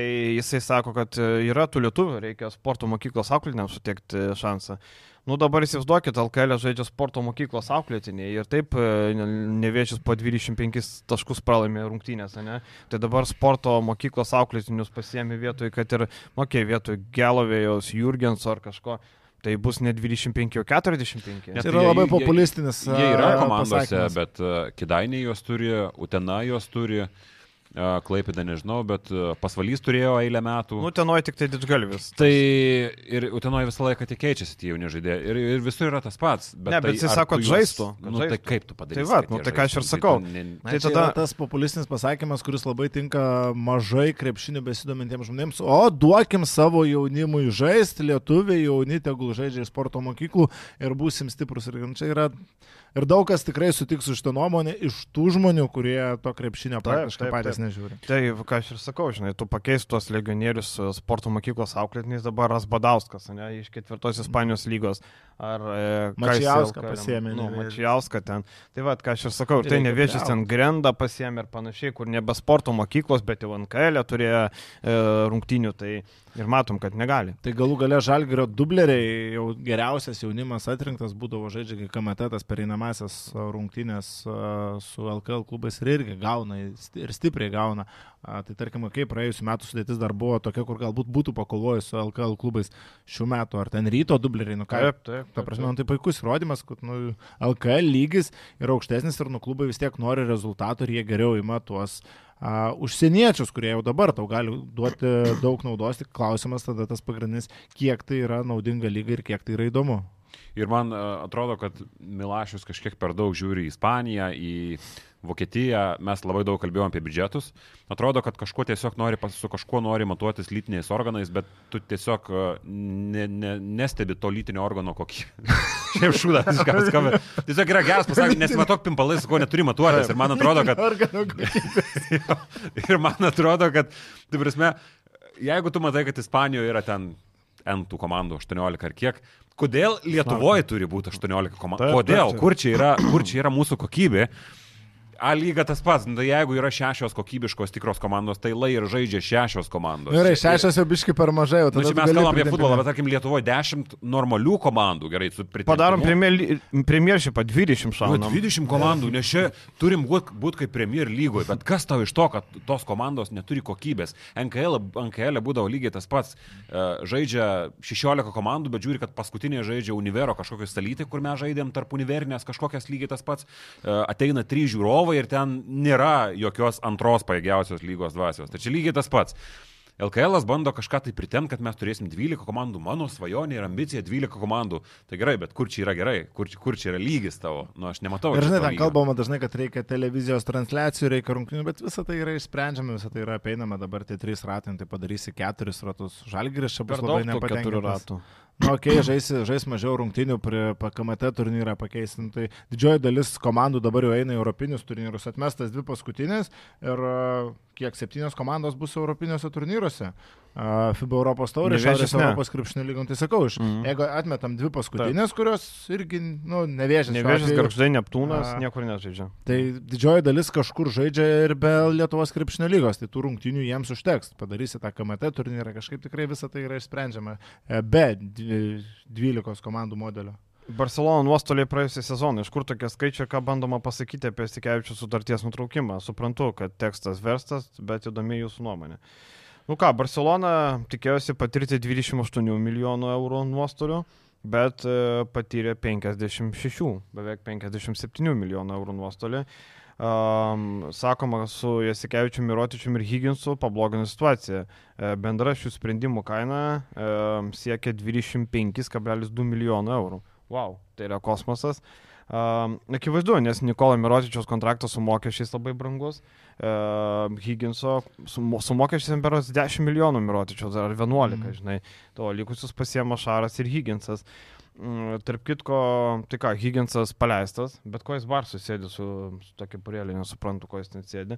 Iš kur tokie nuostoliai, tai kad brangus, brangus žaidėjai, brangus kontraktai. Tai tas taupimas turbūt kažkiek, va, įdomu dabar, e, kiek bus nuostolio po šio sezono. Ar čia tikrai labai sutaupė, va, pasirašydami Ernangomesus ir Paras. Gal mokesčiai mažesni vietiniam? Nežinau, man apskritai ta situacija su Mirotičium tai yra sunkiai suvokiama, tu paleidi geriausias. Geriausia šiuo metu turbūt Eurolygos žaidėja, nu bent jau vieną iš Taip, taip, geriausių. Toliau ją moki pinigus, jisai žaidžia pas tavo konkurentų, žaidžia panašu, kad gerai. Kažkoks man čia visiškas nesusipratimas ir nu čia puikiai vainikuoja Barsos a, iš to tarp sezonio visus padarytus darbus. Tu prarandi Šarūną Jasikevičių, vietoje jo pastatai Rodžerį Grimau kuris nėra nieko įrodęs, paleidi geriausią savo žaidėją, prisirašai kažkokių uh, krepšininkų, kurie taip pat Eurolygos patirties net neturi, Žoelis Parą, Dario Briselą, Hernan Gomeso susigražinimas į Europą irgi keliantis klausimų, tu investuoji vėl į vidurio polėjo poziciją, Corey Higginsui pamainos taip ir nėra, nu kažkoks bardakėlis ir visą tai dar pridedi 50 milijonų nuostolių, tai nesus, nesusipratimas didžiausias. Ką manot, kad rytas pratęsė sutartį su Čempionų lyga? Vat kaip tik apie tai dar nekalbėjom. Labai gerai. Taip, aš irgi sakau, kad e, geras sprendimas, e, juolab, kad tai atneša finansus. E, Krepšinio lygis labai panašus Europos turės finansus atneša, gal tas formatas nelabai patinka, bet kalbėjom, kad didesni klubai nenori. Ir buvo Julius Serapinas pas e, Pakieną podcast ir sakė, kad labai tikėtina, kad susijungimas su Eurocapo ir Čempionų lygos labai tikėtinas, e, tą, ką šnekama daug metų. Tai va įdomu, kada tik tai tai įvyktų. Tai rytas šitoje situacijoje įdomu, e, turėdamas sutartį labai saugiai jaučiasi, jisai turi garantuotą vietą tam naujam turnyrė, o ten vat lietkabelis ir Vulsai jau ne, nes jie neturi jokių sutarčių. Ir įdomu, kiek komandų būtų tam naujam turnyrė, nes tarkim, a, Europos taurė kiek šeš, 20 a, komandų, ten dar 32 mes turim iš viso 52 komandas. No. Vietų skaičius Tai išmeti ribotas. šlionskus visokius, dolomyčius energijas. Aš manau, kad Čempion- iki, iki 30, 25. 32, aš galvoju, 32. Iki tri- ta- 30 yra 32. kažkokia ta riba, kur 32 gali būti, kad yra optimalus skaičius, nes ten prisimti visokių ten, uh, nežinau, opavų ir šlionskų ko gero neapsimoka. Tai ir, nu, mes matom dabar ilgalaikę distanciją, rytas ypatingai laimės LKL, kiek gavo pinigų iš čempionų lygos, iš FIBA organizacijos, lygiai taip pat, ką gauna Lietkabelį žaisdamas Europos taurė. Nu, tai tik tai prestižą, kad tu žaidži, ale tai Europos taurė, bet dabar vėl galima diskutuoti, kiek ta Europos taurė yra stipresnė už čempionų lygą. Tai Nežinau, aš manau, kad ryto žingsnis ir tada buvo geras, nors man atsimenu, kad prieš kelis metus, kai išėjo, buvo skaudu kažkiek, kad, kad, kad rytas pasirenka tokį kelią.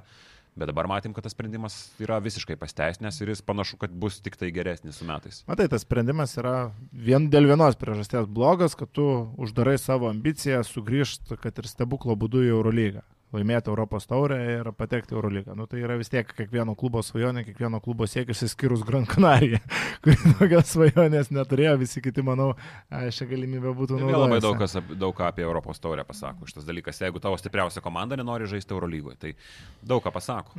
Dėl FIBA čempionų lygos, nu, man tik vienintelis tas momentas užkliūna, ta sistema man nepatinka, tos keturios komandos grupiai neišeisi iš tos grupės ir tavo sezonas baigėsi su kučių vakarienė, vos, nu ne su kučių vakarienė, bet su naujais metais. Tai, tai nu, kažkaip tą sistemą galima turbūt keisti, bet jeigu komandos nubalsuoja, komandos tinka, bet vėlgi, kas tos komandos, o pavas visokios, tai jos nori varneles užsidėti, kad sužaidėtų čempionų manau, lygoje. Ar jų, ar jų sprendimo... Įsisavint paramą. Taip, taip, įsisavint struktūrinių fondų paramą. Aš manau, kad iš esmės tas laikas, kada susijungsiu, tai bus labai greitai, aš manau, bus labai geras laikas keisti kažką ir aš netikiu, kad tas pats formatas ir liks. Jis turėtų kažkiek keistis, nemanau, kad tai bus Eurolygos principas, bet gal divizionai FIBA vis tiek eina kažkiek, e, bent jau iki Žordi, kol Žordi buvo Eurolygoje, FIBA buvo tokia, kuri tų sprendimų nevengė, tai aš galvoju, kad tas sprendimas gali būti priimtas, galbūt divizionai žaisti. Bet uh, grupė žais būtų absurdas, nes jau dabar ta sistema yra labai jau senamadiška. Nu, čia Plus tema. normalus klubas turi norėti žaisti daugiau rungtynių, jam turi rungtynės neš kažkokias tai pajamas iš bilietų pardavimo. Jeigu tau žaisti rungtynės neapsimoka, tai kažką turbūt blogai darai. Nes nu, mes čia žalgeris trina rankom, kai Eurolygai gauna įkrintamųjų ar atkrintamųjų rungtynės sužaisti. Ir kiekvienas rungtynės yra milžiniškas pelnas. Aišku, tai yra Eurolyga. Bet jeigu tu gyveni taip, kad tau žaisti neapsimoka, nu, tai tada kam tu šiuš egzistuoja ir kam tu žaidži tam antram, trečiam pagal stiprumą turnyrę. E, klausimas, kokia blogiausia Eurolygos organizacija? Aš imuosi vėlė, kaip be būtų. Ten ten sako Barcelona. Kodėl Barça? Ne, ne. Uh, nu, negalima sakyti blogiausia. Ne. Dabar su Šaru pateko į Final Four, viskas gerai buvo, dabar Šaro nebėra, jau subirėjo. Nu, aišku, kad ne. Man tai Svelės blogiausia organizacija. Aš, man apskritai prancūzijos klubai uh, eilę metų prastai dirbo, ne veltui Svelio, ne veltui Prancūzijos klubo eilę metų neturėjo jokių licenzijų ir panašiai. E, Prancūzijos klubai niekada nieko nepasiekė. Monakas, okei, okay, tai yra Prancūzijos lygos komanda, bet tai yra valdoma ukrainiečių žmonių, tai yra valdoma kapitalo iš užsienio, tai nėra prancūziškas e, kapitalas ir filosofija. Tai man Asvelis blogiausia, aš nesuprantu jo krypties, nesuprantu darbo metodų. Nesuprantu trenerio paskirimo. Taip, tai va čia darbo metodai, jo. kad tu nesvarbu tavo brolis ar ten tavo žmona pastatyk tada treniruot, bus pirma Eurolygos moteris teisėja. Va, Bet Didžiai Parkeris matai, kaip Belgrade atsišaudė žurnalistai. Bet ten ir klausimas buvo. Jo, jo, jo, ten ir klausimas. Kaip ten? Buvo, ar nemanote, kad kvaila buvo atskristi rungtinių dieną? Nu, tai mm. sako, tu nuo pinigų duok atskrisim. Tai va, man tai e, šiaip e, prancūzas vienas iš Bebasket sako, aš jo klausiu, kaip Asvelis neturi pinigų nuskristi dieną prieš. Ta prasme, sako, nu tai žinai, e, jie pasižiūrėjo, kad dieną prieš skristi reiktų skristi ant su persėdimu vos ne iš Lyono, skristi į Ispaniją, iš Ispanijos skristi į Balkanus ir iš Balkanų tada dar netiesi į Belgrado, ten į mm. Kroatiją ar Zagrebą ar kažką. Tai tipo, čia brangiai kainuoja, taip, tai atskrido rungtinių dieną. Bet sakau, kaip komanda, tu vis tiek atsikeli ryte, kojos sėdėjai lėktuvę ir panašiai. Nu tai maždaug kas vėliau čia supranta, kad tų rungtynių ir taip nelaimės, tai tipo geriau sutaupys. Nu, mm, maždaug taip. Čia absurdas. Jie supranta, kad nelaimės. pradžia, žinai, tai yra. Jo, ir, ir tu nuvažiavęs su tokiu požiūriu, su tokiu atsidavimu gauni 21 tašką į kasą ir galėjo būti dar daugiau ten. Manas Vėlis atrodo kaip tokia komanda, kuri nenori žaisti Eurolygoje ir daro viską, kas įmanoma tik mm. blogai, kad e, tas sezonas kuo greičiau pasiliktų ir gal apdruk mūsų kitą sezoną jau nebepakvies. Mm. Šalis, Kahudė, Žaksonas, TJ Parkeris, šitos figūros, kur tu pasižiūri, kad jie yra komandoje ir tu kraipai labai stipriai galvą. TJ Parkeris čia be abejo apkalbėtas. Tai palas su Laitį iki gyvenimo galo kontraktas. Laitį kontraktas 3-4 metų pasirašytas, 30, kai tam žaidė. 38. 3-4, kai buvo nu. pratęsi kontraktą. Tada yra pusė komandos, pusė dvyliktuko e, žaidėjai, kuriems yra 32 arba daugiau metų. Čia yra komanda, kuri savo filosofiją statė ant jaunimo akademijos Parkeris, prisiminkim, kai atėjo čia prieš kiek, aštuonis metus jau praėjo labai daug laiko, atėjo su idėja statyti jaunimo akademiją didžiulę, didžiausią Europą ir nuo to atsispirti savo pagrindinę e, sudėtį. Tai kas čia dabar liko? Tai Esvelis, aišku, be. Geras krepšininkas. Albatrosai dar kažkur irgi neaukštai turi. Bet, jų, bet jie turi savo filosofiją, jinai mums patinka, nepatinka, bet jie laikosi tos linijos.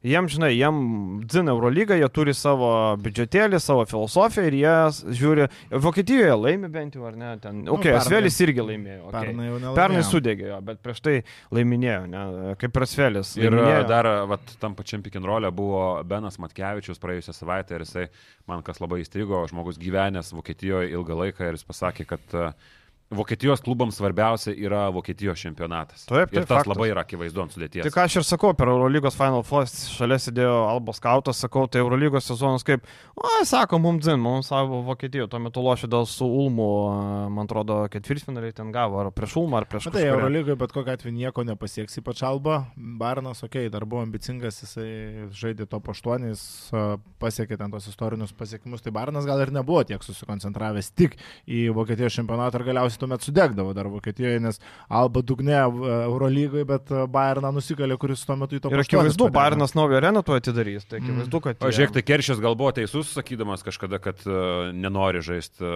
nu jis tada apie Barną sakė, bet gal Alba irgi nenori žaisti atkrintamosios. Atsimenu, buvo, Matyt. buvo tokia Aha. mintis. Na, atsimenu. Uh, tu atėjai su NBA džemperiu tavo klausimas. Oi, Ko tikitės iš įsivaizdavau. Sabonių ir GV artėjančiam sezone? Mardomas pagaliau bus patobulinęs vidutinį metimą, ar ketvirtą kartą paklius į All Starus, ar GV liks pelikanų startų penketą, ar nebus Ne- ne- iškeistas. Nežinau, ar šitam klausimui atsakymas geras buvo, ar kažkam kitam, kad tikėjimo klausimas į bažnyčią. Kreiptis, tai čia tais, ko mes tikim, ko netikim, labai sunku pasakyti, iš tikrųjų tikrai čia nesimsiu vertinti, ar Sabonis per vasarą pagerino tą vidutinį metimą ar nepagerino. Faktas, Aš manau, tokiam- kad nieko nebus tame progrese. Manau, kad GV bus iškeistas iki deadline, manau, kad pelikansai į kitą pusę. Aš taip spėju, kad pelikanai. JV kontraktas labai tam patrauklus, jie ieško kitokios kažkiek sudėties krypties, ten ir Vili Grinas nekartą yra sakęs, e, kad ieškotų pastiprinimo arba kitokių kažkokių minčių. Ir JV turi savo kontraktą, kuris baigėsi šiais metais ir jis kol kas nėra tęsiamas. Tai čia yra akivaizdu, kad tas jo kontraktas dabar tokioje situacijoje, kad jis yra praktiškai vienas patraukliausias, jeigu ne pats patraukliausias e, žmogus, kurį galima iškeisti. Tai aš kažkaip lieku prie tos nuomonės, kad e, JV pakeis per sezono komandą. Aš irgi taip galvoju, o dėl Sabonio manau, kad tas pats bus. Tik mane nustebino, kad Saša neturės, e, nebūtinai bus rotacijai. Mane šitą žiauriai nustebino. Tai kokio velnio jūs ten Bra- Maikas Braunas važiavo žiūrėti, kalbėti, kalbinėti, kam tada to reikėjo. Man čia kažkaip absurdiškai irgi skamba. Tai pasimk tas jaunuolį su tiuvai ir viskas. Man nu. apskritai atrodo, kad NBA klubai tuos Eurolygos žaidėjus ateinančius vis dar turi tą tokį kreivą požiūrį. Tai Mhm. įdomu, kaip tas pats Vasilė Micičius, žinai. O va, atrodys. žinok, funderių požiūris yra labai geras. Ane? Jie nori, kad jis užloštų ir išmainytų į, jaun, į jauną žaidėją. Taip. Tai va, nori. Jie nemato jo long termo, jie mato tai, kad vas ateis, gaus minučių, sužais ir jį išmainys. Tai va Man vis, yra. bet sakau, požiūris. man vis dar atrodo, kad į tos europiečius, okei, okay, jau yra čia tų pilna pavyzdžių, Lukadončičiaus ir taip toliau, ir Jokičius, bet ateinančius iš Eurolygos, ypatingai krepšininkus, jie vis dar žiūri taip. Ne iš naujokų biržos iš karto. Mm. Man kažkaip atrodo, kad aš dar vasarą sakiau, kad aš, abi, aš šiaip labai turiu prastą akį ant kur žaidėjas užžais, kur neužžais, bet kažkaip Vezenkovas man netrodo ta žaidėjas, kuris yra tinkamas užžaisti NBA. Čia labai daug kas e, pradėjo pasakoti apie tai, kad e, Sabonis yra vienas geriausių centrų, kuris skirsto perdaimus e, pasus NBA lygoje. Ir čia tose off-ball situacijose Vezenkovas, kuris labai jas mėgsta, gaus daug kamolių, bet off-ball situacijos Kingsuose netam skirtos, ne Sašai lakstyti be kamolio ar gaudyti ten Sabonį akių kontaktą. Tai aš nemanau, kad atvykęs bulgaras gali gauti tokią rolę, kuris ten jau labai daug turės savo situacijų prie Maiko Brauno. Aš Nu, kaip pasakyčiau, jeigu jam duotų tą rolę, jis gal su ir susitvarkytų, ir jis būtų naudingas, bet aš irgi nemanau. Bet ar tai būtų gaus. pergalingas krepšinis? Ir labai daug e, dabar kalbam apie Vizenkovą, čia vienas žaidėjas pasako, o Vizenkovas pataikė ten 14 tritaškių užsimerkęs, ten vos ne per treniruotę, kitas ten vėl pasako, o kokį pasai, koks judėjimas, čia fantastišką žaidėją gavom, bet priminsiu, kad apie kiekvieną Eurolygo žaidėją, kuris atvyksta garsaus Eurolygo žaidėjo statusą NBA, yra tas pats. Buvo apie Fakų, tas pats. Buvo apie Milošą kliperiuose, lygiai tas pats. Tai aš pasikartosiu, aš turiu prastą akį ant šitų dalykų, kur žaidėjas sužais, kur ne, aš galiu labai stipriai klysti, bet mano pirminė mintis buvo, kad jiems sunkiai seksis NBA. Žinai, pagal tas stebėjimas, kad patai 14 atrodo, kad atsivežė kokią nors, nežinau, ten visišką Iš- lochą. Iš Afrikos O, genties. žiūrėk, Šitas šitas 14, 14. ten daugiau. Krešį Nu, pataikė. nesvarbu, bet šiaip tiesiog stebėtis, kad per treniruotę pataikė, o žiūrėk, šitas pataiko, o bliam, aš galvoju, Eurolygoje ten tik tai, nežinau, mėto į krepšį kokį nors, ten, žinai, kiberą. Paskui, va, Dalas žiauriai. Madridą gauna kruopų ir baigėsi. Nu, bet ten, žinai, tas kruopa 5 minutės Dončičius, Faktas. Irvingo nėra, po to ir Hardavį užsodino, kuris ten plėšė Čia pradžioje. tos NBA Europos rungtynės. Nu, tai man labai irgi pasiskaičiau, mes su Višniausku irgi šitą diskutavom, kad tai jau dabar turėjo žmonės peno pamastymams, kad Europos krepšinis parodė. Realui tiesiog buvo nepohu, kas šiaip labai keista, jie turi, turi rungtynės jau šiandien, Taip, taip, mes taip, rašom podcastą, tai yra dvi dienos nuo tų rungtynių, jie sekančią dieną turėjo skristi. Mhm. Ir ten drožėje ten tą jabuselę 30 minučių, nu, ta prasme. Mhm. Ir e, kidas ketvirtam kelny su, suleidžia visus atbrosus. Kiek Taip, tik taip. Visi Dvaitai Peolai, visi Setai Kariai, visi Hardavai susodinti, žaidžia žaidėjai arba su two-way kontraktais, arba jauni, kurie... po- Treniruočių po stovyklos. Stovyklos, kurie gali tepti sildes to greitai iš ten. Mhm. Nu, ir jie, aišku, pramaznė tą. Taip, nes. Normalu jau realas yra geresnis tokiu. Nu, ir paskui mes kalbam. Ir šiaip, čia- Bet žiūrėk, tarkim, tas kai duota peno kalbom europiečiams, bet nu, tai jeigu būtų atvirkščias scenarius, tai be, būtų peno kalbom atvirkščiom kalbom, jeigu, tarkim, keturis... Amerikiečiam, dzin, giliai, man atrodo, šitas. Nu, dalykas. žinai, po tų visų... Uh, Jo, bet ten rinktinė. World Champions of what? Po visų Jo, šitų ten bairių ta aš- diskusija ten labai gyva, aš įsivaizduoju. Vis dar jeigu ten 40 taškų būtų sutrypę realą, tai va būtų, tai kažkaip jūs super Eurolygos čempionai ir taip toliau. Tai, Bet žinai, pavyzdžiui. Tiesiog apie e, kalbas. Jo, dėl tų, bet... Nu, palauk, dar aš įsterpsiu, ESPN palyginus šitos rungtynėse realo statistikos dalinai net nevedė. Tai labai daug ką Mhm. pasako apie amerikiečių požiūrį į Europos krepšinį. Jo, paskui atsirado visa statistika, bet aš žiūrėjau live score. Žiūriu, ten- tavaris nulis reboundų. Ten visur nuliai buvo. Tai, Aha. nu, tai daug ką pasako. Nu. E, Ir šiaip Dalasas nėra, ten žinai, kažkas, oi, tai čia World Champions, gal, nu atsiprašau, Dalasas atkrintamasis nepateko praeitą sezoną, tai nėra net atkrintamųjų komandų, tai yra dešimta, man atrodo, liko, ne, pleinė nežaidė, net nežaidė pleinė, tai tai išplėjino ribas. Jo, Ne, tai jiegi nuleido sezoną, Taip, ten taip, buvo taip. tas kontroversiškas sprendimas, kai Dončičius ir Kairį buvo nusodinti, Taip, taip. aukojame sezoną. Tai va, tai dabar ten gavo aukštą stipiką. 11-12, tai, tai, tai, tai net nėra pliofo komanda, tai yra, Prieš dviejus metus buvo. nu nesvarbu, bet sudėtis ne, nestipriai, dar Vudo nebeliko dabar, žinai, tai labai panašus pajėgumas, tai Tai žinai. vietoj Vūdų dabar jie 12 draftą gavo Derika Lively ten tą, tai Aha. žiūrėsim. E, Geras buvo klausimas, kaip manot, kas bus pirmas Zavatsko darbas? E, Pakeisti Kemzūrą ar kažkokį legionierių atleisti? Aš galvoju, kad pirmą reikės e, pakeisti legionierių. Trišoną Turmaną? Ne, gal Turmanas, truputį žinai, Turmanas, kaip, ne? kaip paaiškino Olgės, e, kai ten buvo prieš pirmas rungtynės, kad tai yra, jie žiūri į ilga, ilgesnį projektą ir kad tai yra pigesnį, vienas pigesnių žaidėjų, tai aš manau, kad Turmanas liks. Gagičius. Aš manau, kad Gagičius yra pirmas Tai čia su papa, štai taip. Taip, kas galėjo Kas pagalvoti. galėjo pagalvoti? E, Kad e, šiaip Gagičius žiauri fainas vyras, nepaisant to, kad jisai jo Nepaisant to, vertybės. kad su papai. Ne, e, papai, okei, okay, o, tau papai nepatinka? Ką, žinau, vyriškai nelabai. Vyriškos krūtys savo žavesio mažiau turi. Jo, nepaisant to, kad Gagičius turi ten savo e, poziciją Ukrainos ir Rusijos konflikte, e, nepaisant to, O, tai šiaip- kodėl nepaisant, paisant to? Ne, nu, tiesiog šiaip kaip fainas kaip žmogus, ne, jis toks, jis jo anglų turi- kalba labai ribota, bet jisai kalba taip atvirai, toks nuoširdus bičias, nu, e, ne apie tai, bet, e, bet e, už nuoširdumą ir atvirumą pirkti jį, tai žinai, irgi, tai šiaip ir Tayloro tas, e, aišku, Tayloro net leisiu dviejų metų kontraktą, jis gali būti rumuotas visą sezoną, bet klubo nepaliks, tai turbūt Gagičių pakeis, bet e, o Kemzūras, ne? Manau, kad uh, užmės meškerės. Nu, nežinau, čia man nepatinka tie trenerių nuvertinėjimai, No. no. trenerio nuvertinimas.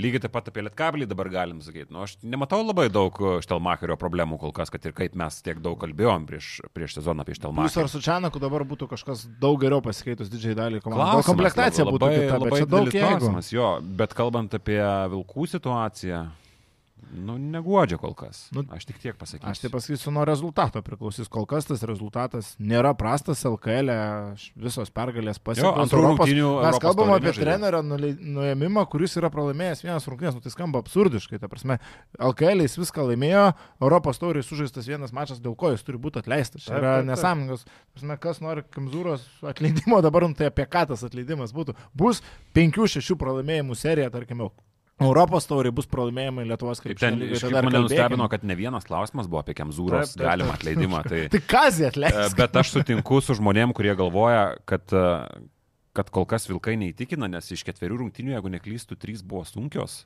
Atkarpoj, kuri Bet turėjo ir traumų būt daug. Ir traumų yra taip, bet Nu. atkarpoj, kuri turėjo būti lengva net ir tokiai sudėčiai, mano galva. Tai, tai čia yra dalykas, bet dabar kalbėti apie nuimimą trenerio, aš nežinau. Nėra tam visiškai pagrindo. Ir kitą savaitę nieko lengvo nebus. Kitą savaitę laukia viešnagiai Badalona, kuri buksuoja. Šiaip jau Badalona buksuoja, bet e, nu Badalonų laimėti Vilkam būčiau nustebęs, turbūt jeigu tai pavyktų padaryti. Manau, kad ten dar viena štanga ateina. Nu kaip bebūtų, nu Badalona, atsiprašau. Ir, ir namie žaidžia ir viską, tai sunkiai, sunkiai. Bet šiaip vilkai, va, dar dabar pasižiūrėjau, nu jie tik tai pirmose rungtynėse labai nemažai vargo turėjo. Su avarinė sudėtim. Su šiauliais, su avarinė sudėtim, pirmas mačas, vėliau garždai, nu garždai yra garždai. Su mažiekiais irgi susitvarkyta, kurie žaidžia neblogą krepšinį, Neptūnas sutriuškintas, Neptūnas į vieną kasą sudirbtas. Tai va dabar dar yra kita viešnagė bet- panevežį, bus labai įdomu. Įdomu, ar Karinoje gal išbėgs, gal jau, žinai, koks Tai va su šitom rungtynėm jau galima bus pradėti kažkokias dėlionės, dėlionės yra tos penkios komandos, nu keturios, tarkim, ir kur šalia jų dar yra Utenos Juventus, e, bei tas pats Klaipėdos Neptūnas, aš manau, vis dar yra netoli jų, bet vat, kai jos tarpusavį žaidžia, tada dar kažkas pasimato, nes su garždais ir pieno žvaigždėm. Žinai, kaip bebus, šeštadienį vienas treneris bus atleidinėjimas, arba Latvijas, arba Lietuvis. Vienas iš dviejų po, po, šeštadienio rungtynių bus atleidinėjimas tikrai. Uh, paaiškinkite, ar aukščiausio lygio profam dvi, dviejas rungtynės per savaitę po 2-5 minutės, iš kurių vienos LKL vis tiek žaidžiamos pusė kojos, sukelia tokį beprotišką nuovargį. Kalbu apie paskutinį kazio pavirkimą po rungtynių su mažiekiais. Uh, ten ką? Nu, nežinau, e, dėl Eurolygos taip, nu, tai nėra ką kalbėti. Ir fiziškumas, ir greičiai, kiti viskas. Bet LKL, nu, Žalgiris 3 kelnius nežaidžia. Du mačius išėlė, Žalgiris 3 kelnius vaikšto paikštę. Žalgeris turi problemų su motivacija, ar tai yra daugiau negu akivaizdu, kol kas Maksvyčiai nepavyksta kažkaip nu, nuteikti komandos prieš rungtynės, tai iš dalies galima Priminkit, suprasti. kaip sakė Kazys. Tuoj Aš dabar eterį, pasakysiu. Nes e, realiai, man atrodo, kad šitoje vietoje Žalgiris, kaip Eurolygos komanda, turi skūstis mažiausiai. Jie, jie gyvena idealų gyvenimą. Mes pasižiūrim į Vokietiją, mes pasižiūrim, kur yra atstumai šiaip jau yra. Kažkiek tos komandos, kai kurios gal ir keliauja šiek tiek patogiau, bet nu, atstumai vis tiek. Uh, Ispanija, pasižiūrėkim, kur po vienų sunkių rungtynių Eurolygoje tu negali atsipalaiduoti, nes tu tikrai turėsi savaitgalį dar kitas labai sunkes ir tada laukia dar dvigubą Eurolygos savaitę ir dar savaitgalis Ispanijos lygoje, kur ten tavęs laukia ta pati Badalona, Tenerife, net nebūtinai Eurolygos komandos.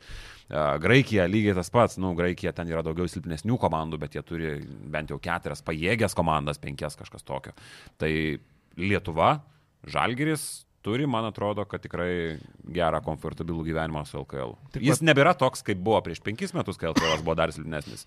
Bet manau, kad viskas čia, yra. žinai, okay. tas buvo silpnesnis, bet uh, vėl galim grįžti prie to mažesnių komandos skaičiaus. Kai žalgiriui dabar reikia žaisti su garždais, reikia žaisti su tom 12-11 komandom. Nu, Jo, dabar tu. okay, bet- galime įsispirti kėdės ir sakyti, tai profesionalas turi būti maksimaliai susikaupęs, eiti lūptis, eiti draskyti.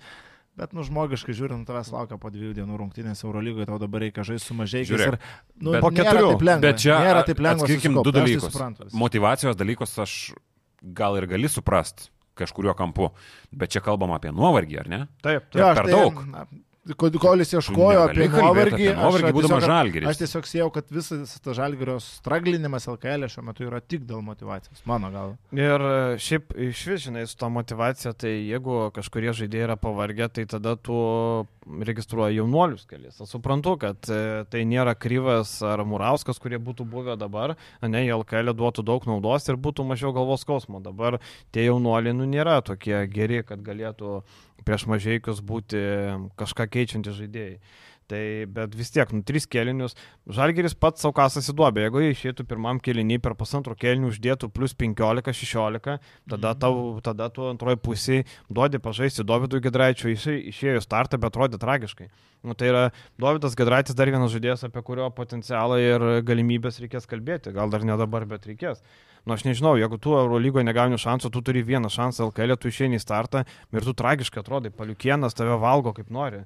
Nu, tada... Kaip būtų ironiška, dar apie Nuovargį galėtų kalbėti Vilnius Vilkai, kurie grįžo ketvirtadienį ar penktadienį, kažkas tokio, ir jie savaitgalį jau turėjo klaipėdo rungtynės. Nu, šita komanda gali kalbėti apie Nuovargį tokioje situacijoje, jo labiau, kad kitos komandos e, ir keliauja sunkiau. Žalgeris turi privačius skrydžius nuo iki. Nu, daugumoje taškų, galbūt ne visose turės, bet e, važiuoja nuo iki. Tai nežinau, ir Vilkai sužaidė gerą mačą Klaipėdai. Bet čia gerai pastebėjai, Žalgiris pats prisidaro, ta prasme, tų problemų, kad nesuranda būdų gerai pradėti rungtynės ir dabar pats dėl to turi kentėti, nes tų pralaimėjimų jie nenori ir turi tada jau ketvirtus kėlinius art. Tai patys kalti, kaip sakant. Čia dar buvo klausimas apie Veličkos potencialą, kaip manote, sužais proveržio sezoną ir pagaliau taps tvirtų rinktinės narių ir artimiausius dviejus metus kils dar aukštesnį lygį nei rytas ir čempionų lyga. Nu, Veličkos startas įkvepiantis, atrodo, atrodo gerai, atrodo pasitikintis savimi, e, praeitos rungtynės su šiauliais prastos buvo, bet iki tol visos e, rungtynės buvo geros, bet aš apie žaidėjo vertinimą gerai, blogai palaukiu rungtynių su gerais varžovais, ne su šiauliais, ne su nevėžiu, ne su garždais, e, čempionų lyga, e, ryta, e, lietkabelis, vulsai, žalgeris, va tada pašnekėsi. Čia vėl, dar kaip ir skalbėjom, nei viena iš topinių LKL komandų nežaidė vietiniam fronte įdomių rungtynių, gerų rungtynių. Tai vertinti, ar Uliackas vat, yra tragiškas, nu aišku, turėjau geriau sužaisti prieš prastas komandas, viską čia suprantu, bet a, pasimatys, viskas prasidėjus čempionų lygiai, prasidės a, žaidžiant su Žalgiriu, su Rytu, bet a, ten labai optimistinis scenarius, kad taps iškart tvirtų rinktinė žaidėjų, tai iki to dar trūksta, bet kad jis gali būti ant rinktinės lenkščio, tai aš pilnai tikiu, čia vienas perspektyviausių. Lietuvos rinktinės žaidėjų ir aš vasarą šitoje vietoje sėdėjau ir kalbėjau, kad mano nuomonė Velička turėjo būti bandomas a, Lietuvos rinktinės stovyklose. Jis nebuvo bandomas, kitais metais tikiuosi bus. Blemba jam dar tik 23. Taip, taip. Kaip taip. jisai seniai žaidžia, atrodo, ir kiek dabar jam Kiek klubo jau spės pakeisti? Nu, nu. Taip, taip, 23 taip. metai dar tik viršai. Taip, taip, Fantastika. Um, Čia dar buvo, um, kokia yra Luko Lekavičius vertė šiuo metu. Norėčiau atsakymo be pagražinimo, kad jis lietuvis, o objektyvaus atsakymo. Ačiū. Objektyvaus atsakymą noriu pasakyti tai, kad Žalgiriui reikėjo spirt lauk vasarą.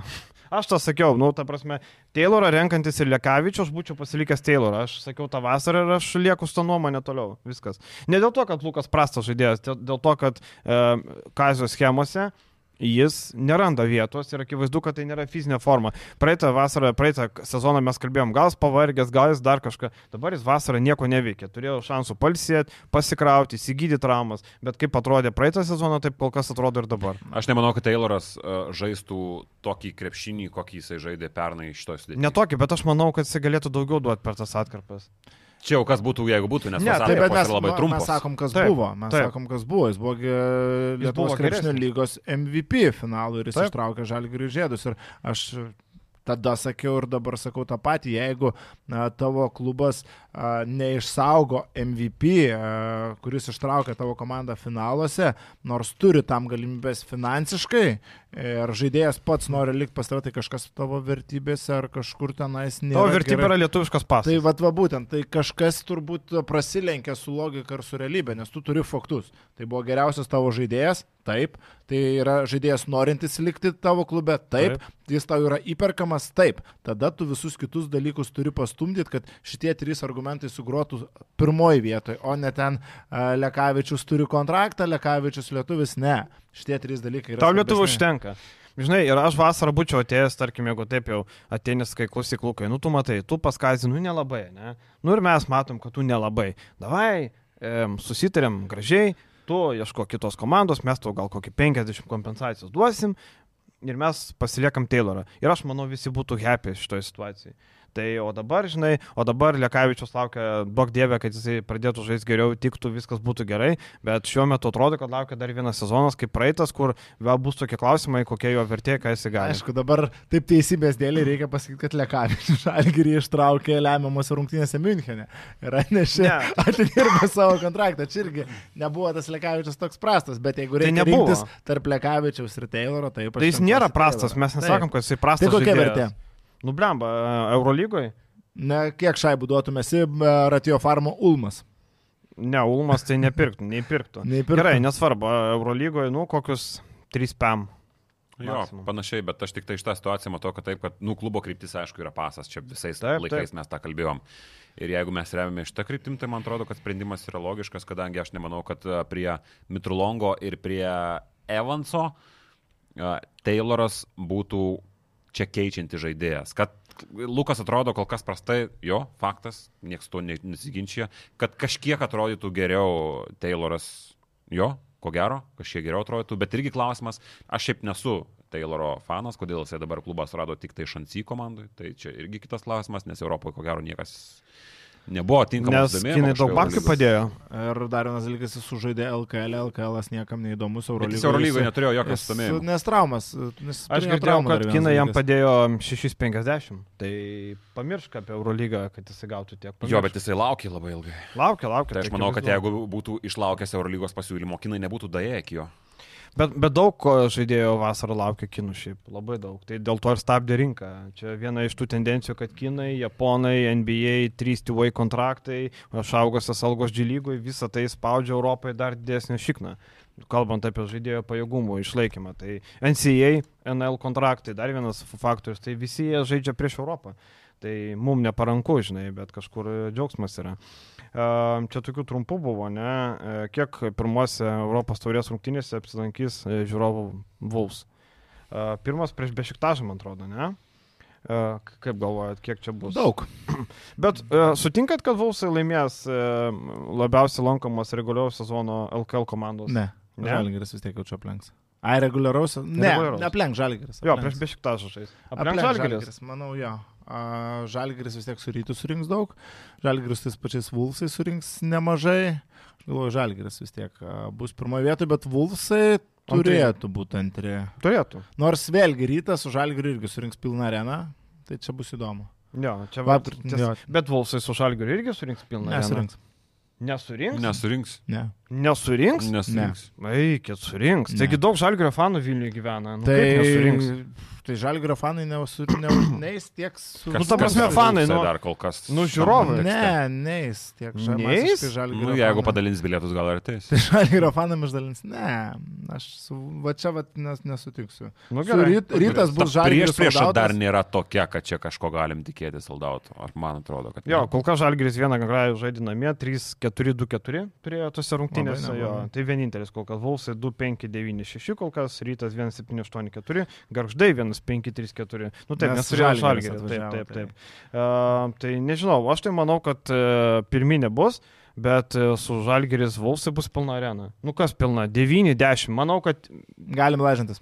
galim. 8,5 under ar over. Aš tai under. over, aišku. 8,5 Žalgiris Vuls. Taip, over tikrai. Davai 9 ir tas Imo under. Tai gal 9 jo daugiau, nes jau 9 arčiau sausakis. Ne, aš tai sakau, Kiek, kiek, yra, 8,5. kiek yra vietų? Ne, tai Nu, 8 dešimt. Dešimt, tu sakai, sold out Pusantro bus. štukos jau yra laisvų vietų. Tai jau yra labai daug. Soldautas yra Nu, tai- 8,5. Nu tai gerai, nu tai... Jau čia 9 ir Beveik devyni tautis mes tau žinok daug. Jau tau daug Ne, nusileidžia. tada ne, 8,5. Tai pala, 8,5 čia mažai? Nemažai, bet nesoldautas. Nu, blem, soldautas, tai žinai, tai soldautas. Soldautas tu jau kur žmonės Dešimt. akis pjausto vietoj. Nu, tai, bilietą. žinai. Inkstą parduoda. Bet ir Nu. 8,5 nebus, bet dėl 8,5 jau nekartu. Dėl 9 kartų. A, jau bijai, matai. Nebijau, tu, tu nusaldalautą nusimušai. Nu tai žinai, soldautas čia, žinai, čia soldautų, kiek būna LKL soldautų. Tas, tas pats Žalgiris rytas. sold outas. rytas dabar Vilnių bus. Nu tai dabar po, po kiek, bet ryto arenui taip, bet e, ASG arenui irgi ne visada būdavo soldautas. Tai žinai, tai čia su Vulsais. Bet Vulsai prasuks gerą marketinginį ir pamatysi. 8,5 Nu, A- matysim. Kaip vertinat Vainausko palangos podcastą, va, Vėliau? Idėja gera buvo. ne? Idėja gera, man patinka. Nu, aišku, Buškevicas tikrai nėra tas pašnekovas, kuris galėtų su to labai kažką, bet uh, žmogus kalba lietuviškai, žmogus yra kažkokia jo figūra vis tiek, nu, gali kažkokią mintim pasidalinti. Tai... Kas nematė, tai pasakysim paprastai, susėda Sandis, e, Jonas ir Seibutis, yra penki krepšeliai LKL, NKL, Eurolyga ir dar kažkas, keturi traukia klausimą iš ten ir pa, į tą klausimą. Bet žinai, kas man patiko? Klausimai nėra įsimintiniausios tavo rungtynės. Mhm. Pohui visiems, kokios tavo tos rungtynės įsimintiniausios. Svarbiausia yra esminė, ką pakeistum LKL. -ę. Ir iššaukė diskusiją, viskas. Taip, tai taip, taip. kažkas, kas ten sugalvojo, e, sudėjo lapelius ir surašė labai neblogus klausimus, kabinančius Taip, tokius. taip, Julius Bliūdžius ten užsiemė. Maladėt, Julius, vat, e, gerai padarė. Um, ką tu galvoji, tautvidai, buvai balbieriški sukės? A, Balbieriškai, aš visų pirma važiuoju grybaut. O Tai yra esminis momentas, kas nežino, kur yra balbieriškas, tai jis yra gana netoli prienų. Taip pat yra labai graži balbieriškė atodanga, vienas, viena gražesnių vietų regione, kur gali pasižiūrėti Nemuno kilpas. Va, Čia prie Lietuvos Bal- balbieriškas jau. Tarp, jeigu važiuoji iš Kauno į Lytų, tu pravažiuoji Balbieriškio atodangą. Mhm. Ir tikrai verta sustoti, pasižiūrėti, gražus vaizdas. Ir klausė žmogus nes Balbieriškis yra mano kra- kraštuose, turbūt dėl to. Aš taip.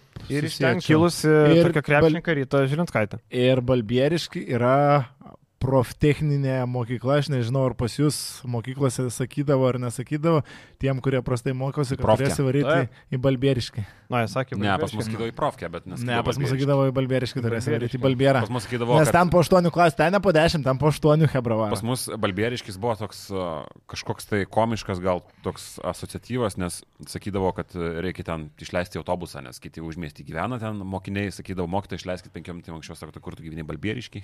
Nu, tai tas Balbieriškis yra tapęs kaimo sinonimu, bent jau anksčiau būdavo, nes ir pagrindinė to priežastis būdavo ta proftechninė, kuri nutipoja. Bet klausyk, žinai, kas jokingiausia, kad tie balbieriški po 8 klasę dabar uždirba daugiau nei Taip. mes. Taip, nes ten a, traktorininko specialybė, kur dabar vai- vai- vairuoja. Suvirintojų. Suvirintojų, santechniko. Taip, taip, ką aš ir sakau. Mano istorijos mokytoja dabar su čekučiais pagavo. Tapinas. O tak. O Stipriai. tak. Stipriai. Tai balbieriški nebevažiuos. Du kompus pirko.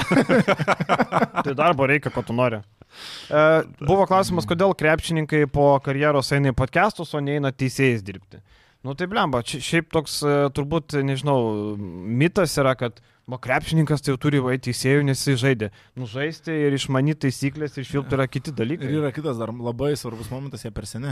Taip, Jo, nes daug. nes- Nu, gerai. tas. Nu, tai, Nu tai trim pasakiau, jie per seni, ko tau dar reikia. Tai, matai, esmė yra ta, kad e, teisėjas turi pradėti nuo žemiausios žemiausio laiptelio, kas yra moksleivių krepšinis. Tai ar tu įsivaizduoji... Mėgėjų lyga. Gerai, paimkim dabar koks nors Vytas Šulskis. Mm. Dabar NKL dar žaidžia, žaidė ilgus metus LKL, bet ar įsivaizduoja, kad galėtų kur nors KKML ar tai, ar tai MKL dirbti jis moksleiviams su šilpuku? Už uh, kiek? 30 eurų, 20, nežinau. Mhm. Nu, ko gero ne. Mhm. Tai tavęs niekas kaip buvusio krepšininko, skirtingai nei trenerio pozicija, į teisėjų neįkiš iš karto dirbenti NKL. Nu, nebūna taip. Taip, taip, faktas. Ir, e, Ar per nu, neturėsis metų- kompetencijos, ta prasme, tai vis tiek teisėjimas ne tas pats, žaidimas. Tai žinai, iš vis dabar pagalvok, kad net, tarkim, tie, kurie pradeda jauni, ten, tarkim, 18, 19, 20 ar ten 15 pradeda mokyklėlė, jie, tarkim, kokiu 3-5 kem metų pasiekė viršūnę Eurolygoje. Dabar Šulskis 3-5 pradėdamas šilipti, tai jis 5-5 pasieks viršūnę, ne? 5-5 ir jisai jau fiziškai, nu viskas, nu tu jis jau 5-5 teisėjas, nu kam man. Ir aš priminsiu, kad LKL teisėjui vien tik pasiekti LKL, nebūtinai ten jau ten gerai išvilpti, ten kaip Vilius ir panašiai. Bet bent jau pasiekti LKL yra labai didelis pasiekimas. Mano draugas grįžo LKL šilpt, Kas toks? Davidas Jurkša. Rimtai? Nu, nepastebėjai? Ne. Aš, jisai buvo praeitą sezoną dingęs, bet žiūriu, dabar rungtynė žiūriu, Davidas. O. Nes jį kažkada paliosavo po pirmojo sezono. Taip, ir dabar Davidas grįžo. Okay. Aš galvoju, gal Totvidas Bobina kažkur sėdi tribūnose, jo senas ginklanešys, bet nemačiau. Gal kažkur ir buvo. Šiaip faina iš tikrųjų, kad jis leidžia ir jaunus teisėjus po, po truputį. Daug bando naujų yra. O prisimenat kas nors faktą, kad Tomas Langvinis yra teisėjas LKL? Faktas, žinoma, jisai Perlas Žalgirį švilpė ir po tų rungtynių ten buvo daug užpolimų ant jo, po tų rungtynių, kai Perlas nukalė Žalgirį ir Beros ten tada Butauto treniruojama Žalgirį nukalė. Taip. Dovydas Kairys, mane muitai sportavo, tai vat Davidas Kairys, aš su juo lankiau. Kašilankai paskui jis atsikraustė į Kauną, nusprendė, kad į muitai reikia. Jo, jo, jo. Teis, teisėjo karjerai gal irgi ne, praverčia, tai va teko pasportuoti su jo muitai, žiūriu paskui. Geras šilas, geras Mm, šilas. Geras, Geras, geras, geras švilpia. Maladės. Bet faina, kad jauni bičiai irgi pasiekė LK lygį, nebuvę krepšininkais kažkokiais. Neiktų kairį, kairį sakydavom. Atsiprašau, o kiek e, krepšininkų buvusių Tai va, pasiekė dar teisėjų sakau, lygį? nei- nei vieno Nu, tai vad, vad. Uh, sako, mažai imtis, bet uh, ar sutinka šiuo metu Juventus žaidimas vienas simpatiškiausių LKL? Atrodo, kad neblogai pataikytas su legionieriais, o lietuviai nenuvilia, kaip mano, tai žaidimas išliks panašus, dar gerės, kiek realų Juviai pateiks taigmeną patekti ketvirtas, išvelgiant į kol kas neįtikinančius Wolves ar Lietkabelį. Galima sutikti su tuo, ne? Galima. Man Aidino Penavos įsitraukimas toks, kai skribelės, kaip vakar Pakenas rašė, Pulkos, kai skribelės ištraukė Urbaną, tai va, Juventus į skribelės ištraukė Aidiną Penavą, kuris e, skučą palieka pavėsi visiškai. Čia dar vienas iš tų dalykų, kur aš sakiau, kad vasarą reikėjo skučiui padėkoti už darbą ir pasikviesti kitą žaidėją, pasilikti Romančenko ir, vieturo, ir tada pasimpanavą ir būtų buvę super. Dabar skučas neranda savo vietos, matom jisai prie, e, prie naujo trenerių Kostičiaus irgi blankiai atrodo, tai aš manau, kad šitos skirybos, kaip mes kalbėjome apie Lekavičius skirybą, šitas irgi reikėjo skirybas daryti, tik ten kontraktų nebuvo, dar lengviau buvo. Tai, bet šiaip Juventusas surinko labai įdomią komandą. Mes dar vasarą kalbėjom, kad jie labai teisingai viską darė, susirinko tuos lietuvius, kuriuos galėjo, kuriuos reikėjo ir tada tu ieškai, ko tau trūksta. Ir aplink tai dėliojo komanda. Legionieriai pakviesti tikrai gana visi įdomus ir aiškus perimetro lyderiai. Ir aš, aišku, stačiau juos žemiau Neptūno prieš sezono pradžią, bet ta prasme toj pačioj kategorijoje prie dvi, dvi komandos, kurios iš žemiau esančių galinčios kas pirmam ketvirtui ir kol kas Juventus įrodinėja, kad tikrai gali. Ir jo, tas komplektacija gera, tas labai geras Juventus dažniausiai būna tas lietuvių ir legionierių brandolys, ką mes kalbam apie garždus, bet aišku, daug didesnė piniginė tiesiog turi Utena ir gali tą pasimžaidėjus, bet vat, kas kažkiek vat, su šauliu situacija kažkiek tikėjausi, kad bus geresnė, nėra tokia gera. Bet Tayloras padingė per, tą. per pirmas ketverias rungtynės, bet vat, čia vienas toks yra minusėlis, norėtųsi šaulio geresnio, kaip jau patyrusio LKL žaidėjo, bet jų kol kas viskas tvarkingai. Jo, ir e, man patinka, sakau, kad Kostičius e, akivaizdu, kad labai daug skiria dėmesio gynybai, ne visada jinai veikia, bet akivaizdu, kad yra norima, kad visi žaidėjai gintųsi, visi norėtų gintis ir paimti tie lietuviai, kur gali žaisti, tarkim, Marius Valinskas, ne, paimtas tas vienas karščiausių LKL laisvųjų agentų už jo pinigus ir duodama įtaka tikrai buvo labai geras. Beniušis buvo pasirinktas anksti, gal kažkiek sumokėta daugiau, bet e, tu žinai, ką gausi iš jo. Plus gerai, nepasimsi Beniušio, kas paskui kažkas kitas pačiups Beniušį labai daug pasirinkimo lietuvių ant Tai va, būtent. pozicijai. Tai va, ypač tokio plano nelabai, net tu tik ką ten gušiui mokėsi aštuonis, bet to gustys, tarp kitko, agentą palėsavo, nes nesugebėjo per vasarą surasti darbą. Žinai, ką tu permokai, Beniušį anksčiau pasimdamas tūkstantį, kokį ten 500 užmetė ant algos, nu tai tebūnė, viskas. Taip, tvarkoj. taip, tik Gynyba su Žalgiriu nebuvo labai bloga, tada buvo su Mažiekiais labai gera gynyba ir gera gynyba buvo su Kidainiu, galima sakyti, kad čia prastos komandos, ypatingai kalbant apie pastarąsias dvi, bet, e, nu vis tiek kaip ir tas. Sakau, ne, ne visada gaunasi, bet tu matai bent jau... Nu, e, nesigavo su Neptūno akivaizdu. Taip, taip, tu matai bent jau fundamentus, tuos tu matai bent jau, ką jie nori daryti, tu, tu matai idėją, visi žaidėjai galintys gintis, nėra skilių kaip e, Aleksas Hamiltonas, pavyzdžiui, buvo, ne, tu nėra tokių žaidėjų, tu matai visą tą idėją. Tai... Tas pats Jonathan Davisas buvo irgi skilė gynyba. Jo, jo, jo. Ir, blemba, Olimpas gerai su šiuliais sukovojo, Jonathanas Davisas kaip tik kitą temą prasta. Jeigu ne pavelka, būsimas LKL MVP būtų gavę ausų nuo Jono Vainausko. Bet to visa Hebra sėdėjo Gedvydas Vainauskas, Jonas Vainauskas, Remigijus Milašius. Matėt nuotraukas? Va, ten va, Hebra buvo. Gerai, paskutinis klausimas. Kaip pradėjot karjerą žurnalistikoje, nu mes jau kalbėjome apie tai, bet turbūt, nu, mes ką rekomenduotumėt jaunimui siekiančiam kažko panašaus, ką nuveikėt jūs? Neklausyti tokių bičių, kurie kažką rekomenduoja. Čia yra vienintelis patarimas. Vienintelis gal veikiantis patarimas gal tik tai būtų, kad tiesiog eiti ir daryti, ką tu nori. Ir, nu, vat, aš pavyzdžiui, kai pradėjau daryti, tai aš e, pasisiūliau Sudvos klubui, kuris tuo metu labai turėjo problemų su komunikacija, jam padėti su komunikacija už absoliučiai zero. Kaip Jūritis pasakytų, nieko negavau visą sezoną. Variau kaip bėris, dariau nemažai, bet negavau absoliučiai nieko, nes toks buvo starimas, man praktika gera. Nu ir nuo ten aš atsispyriau, nes, nežinau, man atrodo, kad kai tu nori kažko labai daug, tai tu ir padarai labai daug. Ir, bet lygiai to pat, kad jeigu tu, nes irgi pasišneki su kažkokiu tai jaunimu vienokia ar kitokia forma, Uh, ir žmonės labai greit visko nori. Staigiai. Mm. Iš karto jie nori. Pinigų. Iš karto jie nori ir pinigų, ir iš karto jie nori būtent su Eurolyga kažką daryti, ten dar kažką, žinai, va, čia šitas labai Šitas yra pastebimas dalykas. Ir, Taip. Bet nelabai daug kas supranta. Aš kiek turiu draugų skirtingose pozicijose, skirtingų kažkur ten elektrikas, šalkalvis, grafikos dizaineris, finansininkas, bankininkas, labai įvairus kažkoks spektras draugų ir pažįstamų, jie visi, kur yra sėkmingi, jie visi daro ekstra. Grįžę namo jo darbo diena nesibaigia, kad jie numeta savo portfelį ir jie žiūri kažkokį tai filmą. Niekas taip nedaro. Tiesiog visi domisi keurą parą. Ar jūs, nežinau, su kažkokio tai straipsnio pabaiga, su kažkokio būdėjimo pabaiga visada Aišku, kad išjungia. Niekada taip nebūna. Tai tiesiog e, daryt, kas tau patinka ir kartais duoda daugiau nei tu gauni atgal. Su Eurolyga čia, kaip tik gerą pavyzdį turiu, atsimenu, prieš kas porą metų parašo bičiukas, na, sako, nori, žinai, komentuoti, nuo ko čia pradėti, nu, sakau, tai galiu duoti, žinai, kontaktus, uh, Zoomas, ant KL visada ieško ten tų komentatorių, nusiųsi uh, ten savo kokį balsą įrašą, tikrai, manau, sakau, duos pasibandyti, ir čia nėra kažkoks kosmosas, gaut pasibandyti NKL, tam paskui, kad daugiau transliacijų gautume jau sudėtinga. Tai ne, ne, ne, sako, aš noriu Eurolygą pasibandyti. Nu, sakau, so- sorry, jeigu tu nori Eurolygą pasibandyti, aš Eurolygą po keturių metų gavau pasibandyti, ar penkių, kai pradėjau komentuoti. Tai faktas, kad turi pradėti nuo kažko, nuo žemesnių tų lygų, nuo kažkokio domėjimosi konkrečias rytim.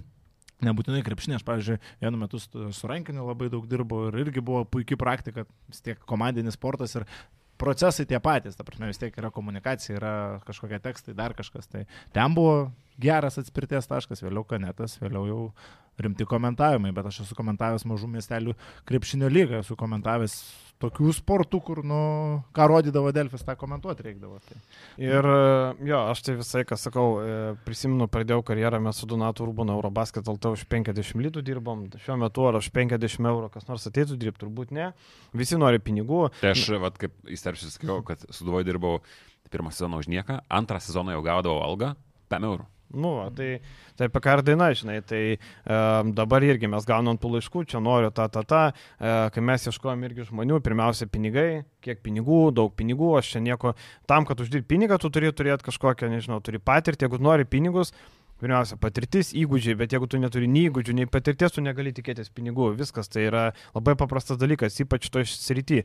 Yra pasitaikę praktikantų, kurie nori labai šokti per kelis laiptelius dar tik tai pirmą interviu surašiau, jau aš noriu autorinį tekstą, jau rungtynės aprašinėti jau kažką ir tu matai, kad jis negali net pirmo laiptelio padaryti, jau nori šokti per kelis. Tai čia irgi keli aspektai, tai turbūt um, ir Vilius gerai sako, reikia visada toj srity būti, tu kaip nori taip daryk. Aš nežinau, aš niekada gyvenau pas mane krepšinį 24-7, kartais sako, oi, čia per atostogas, tai ko, aš negali atsijungti, nu ne, negaliu. Tu bendrauji tai su agentais vasarą, tai sieki tuos dalykus, kitus trečius, reikia pažiūrėti, kaip Hebra dirba ir panašiai, nu, tu visai, kad tame dalyke. Čia mes labai turim daug.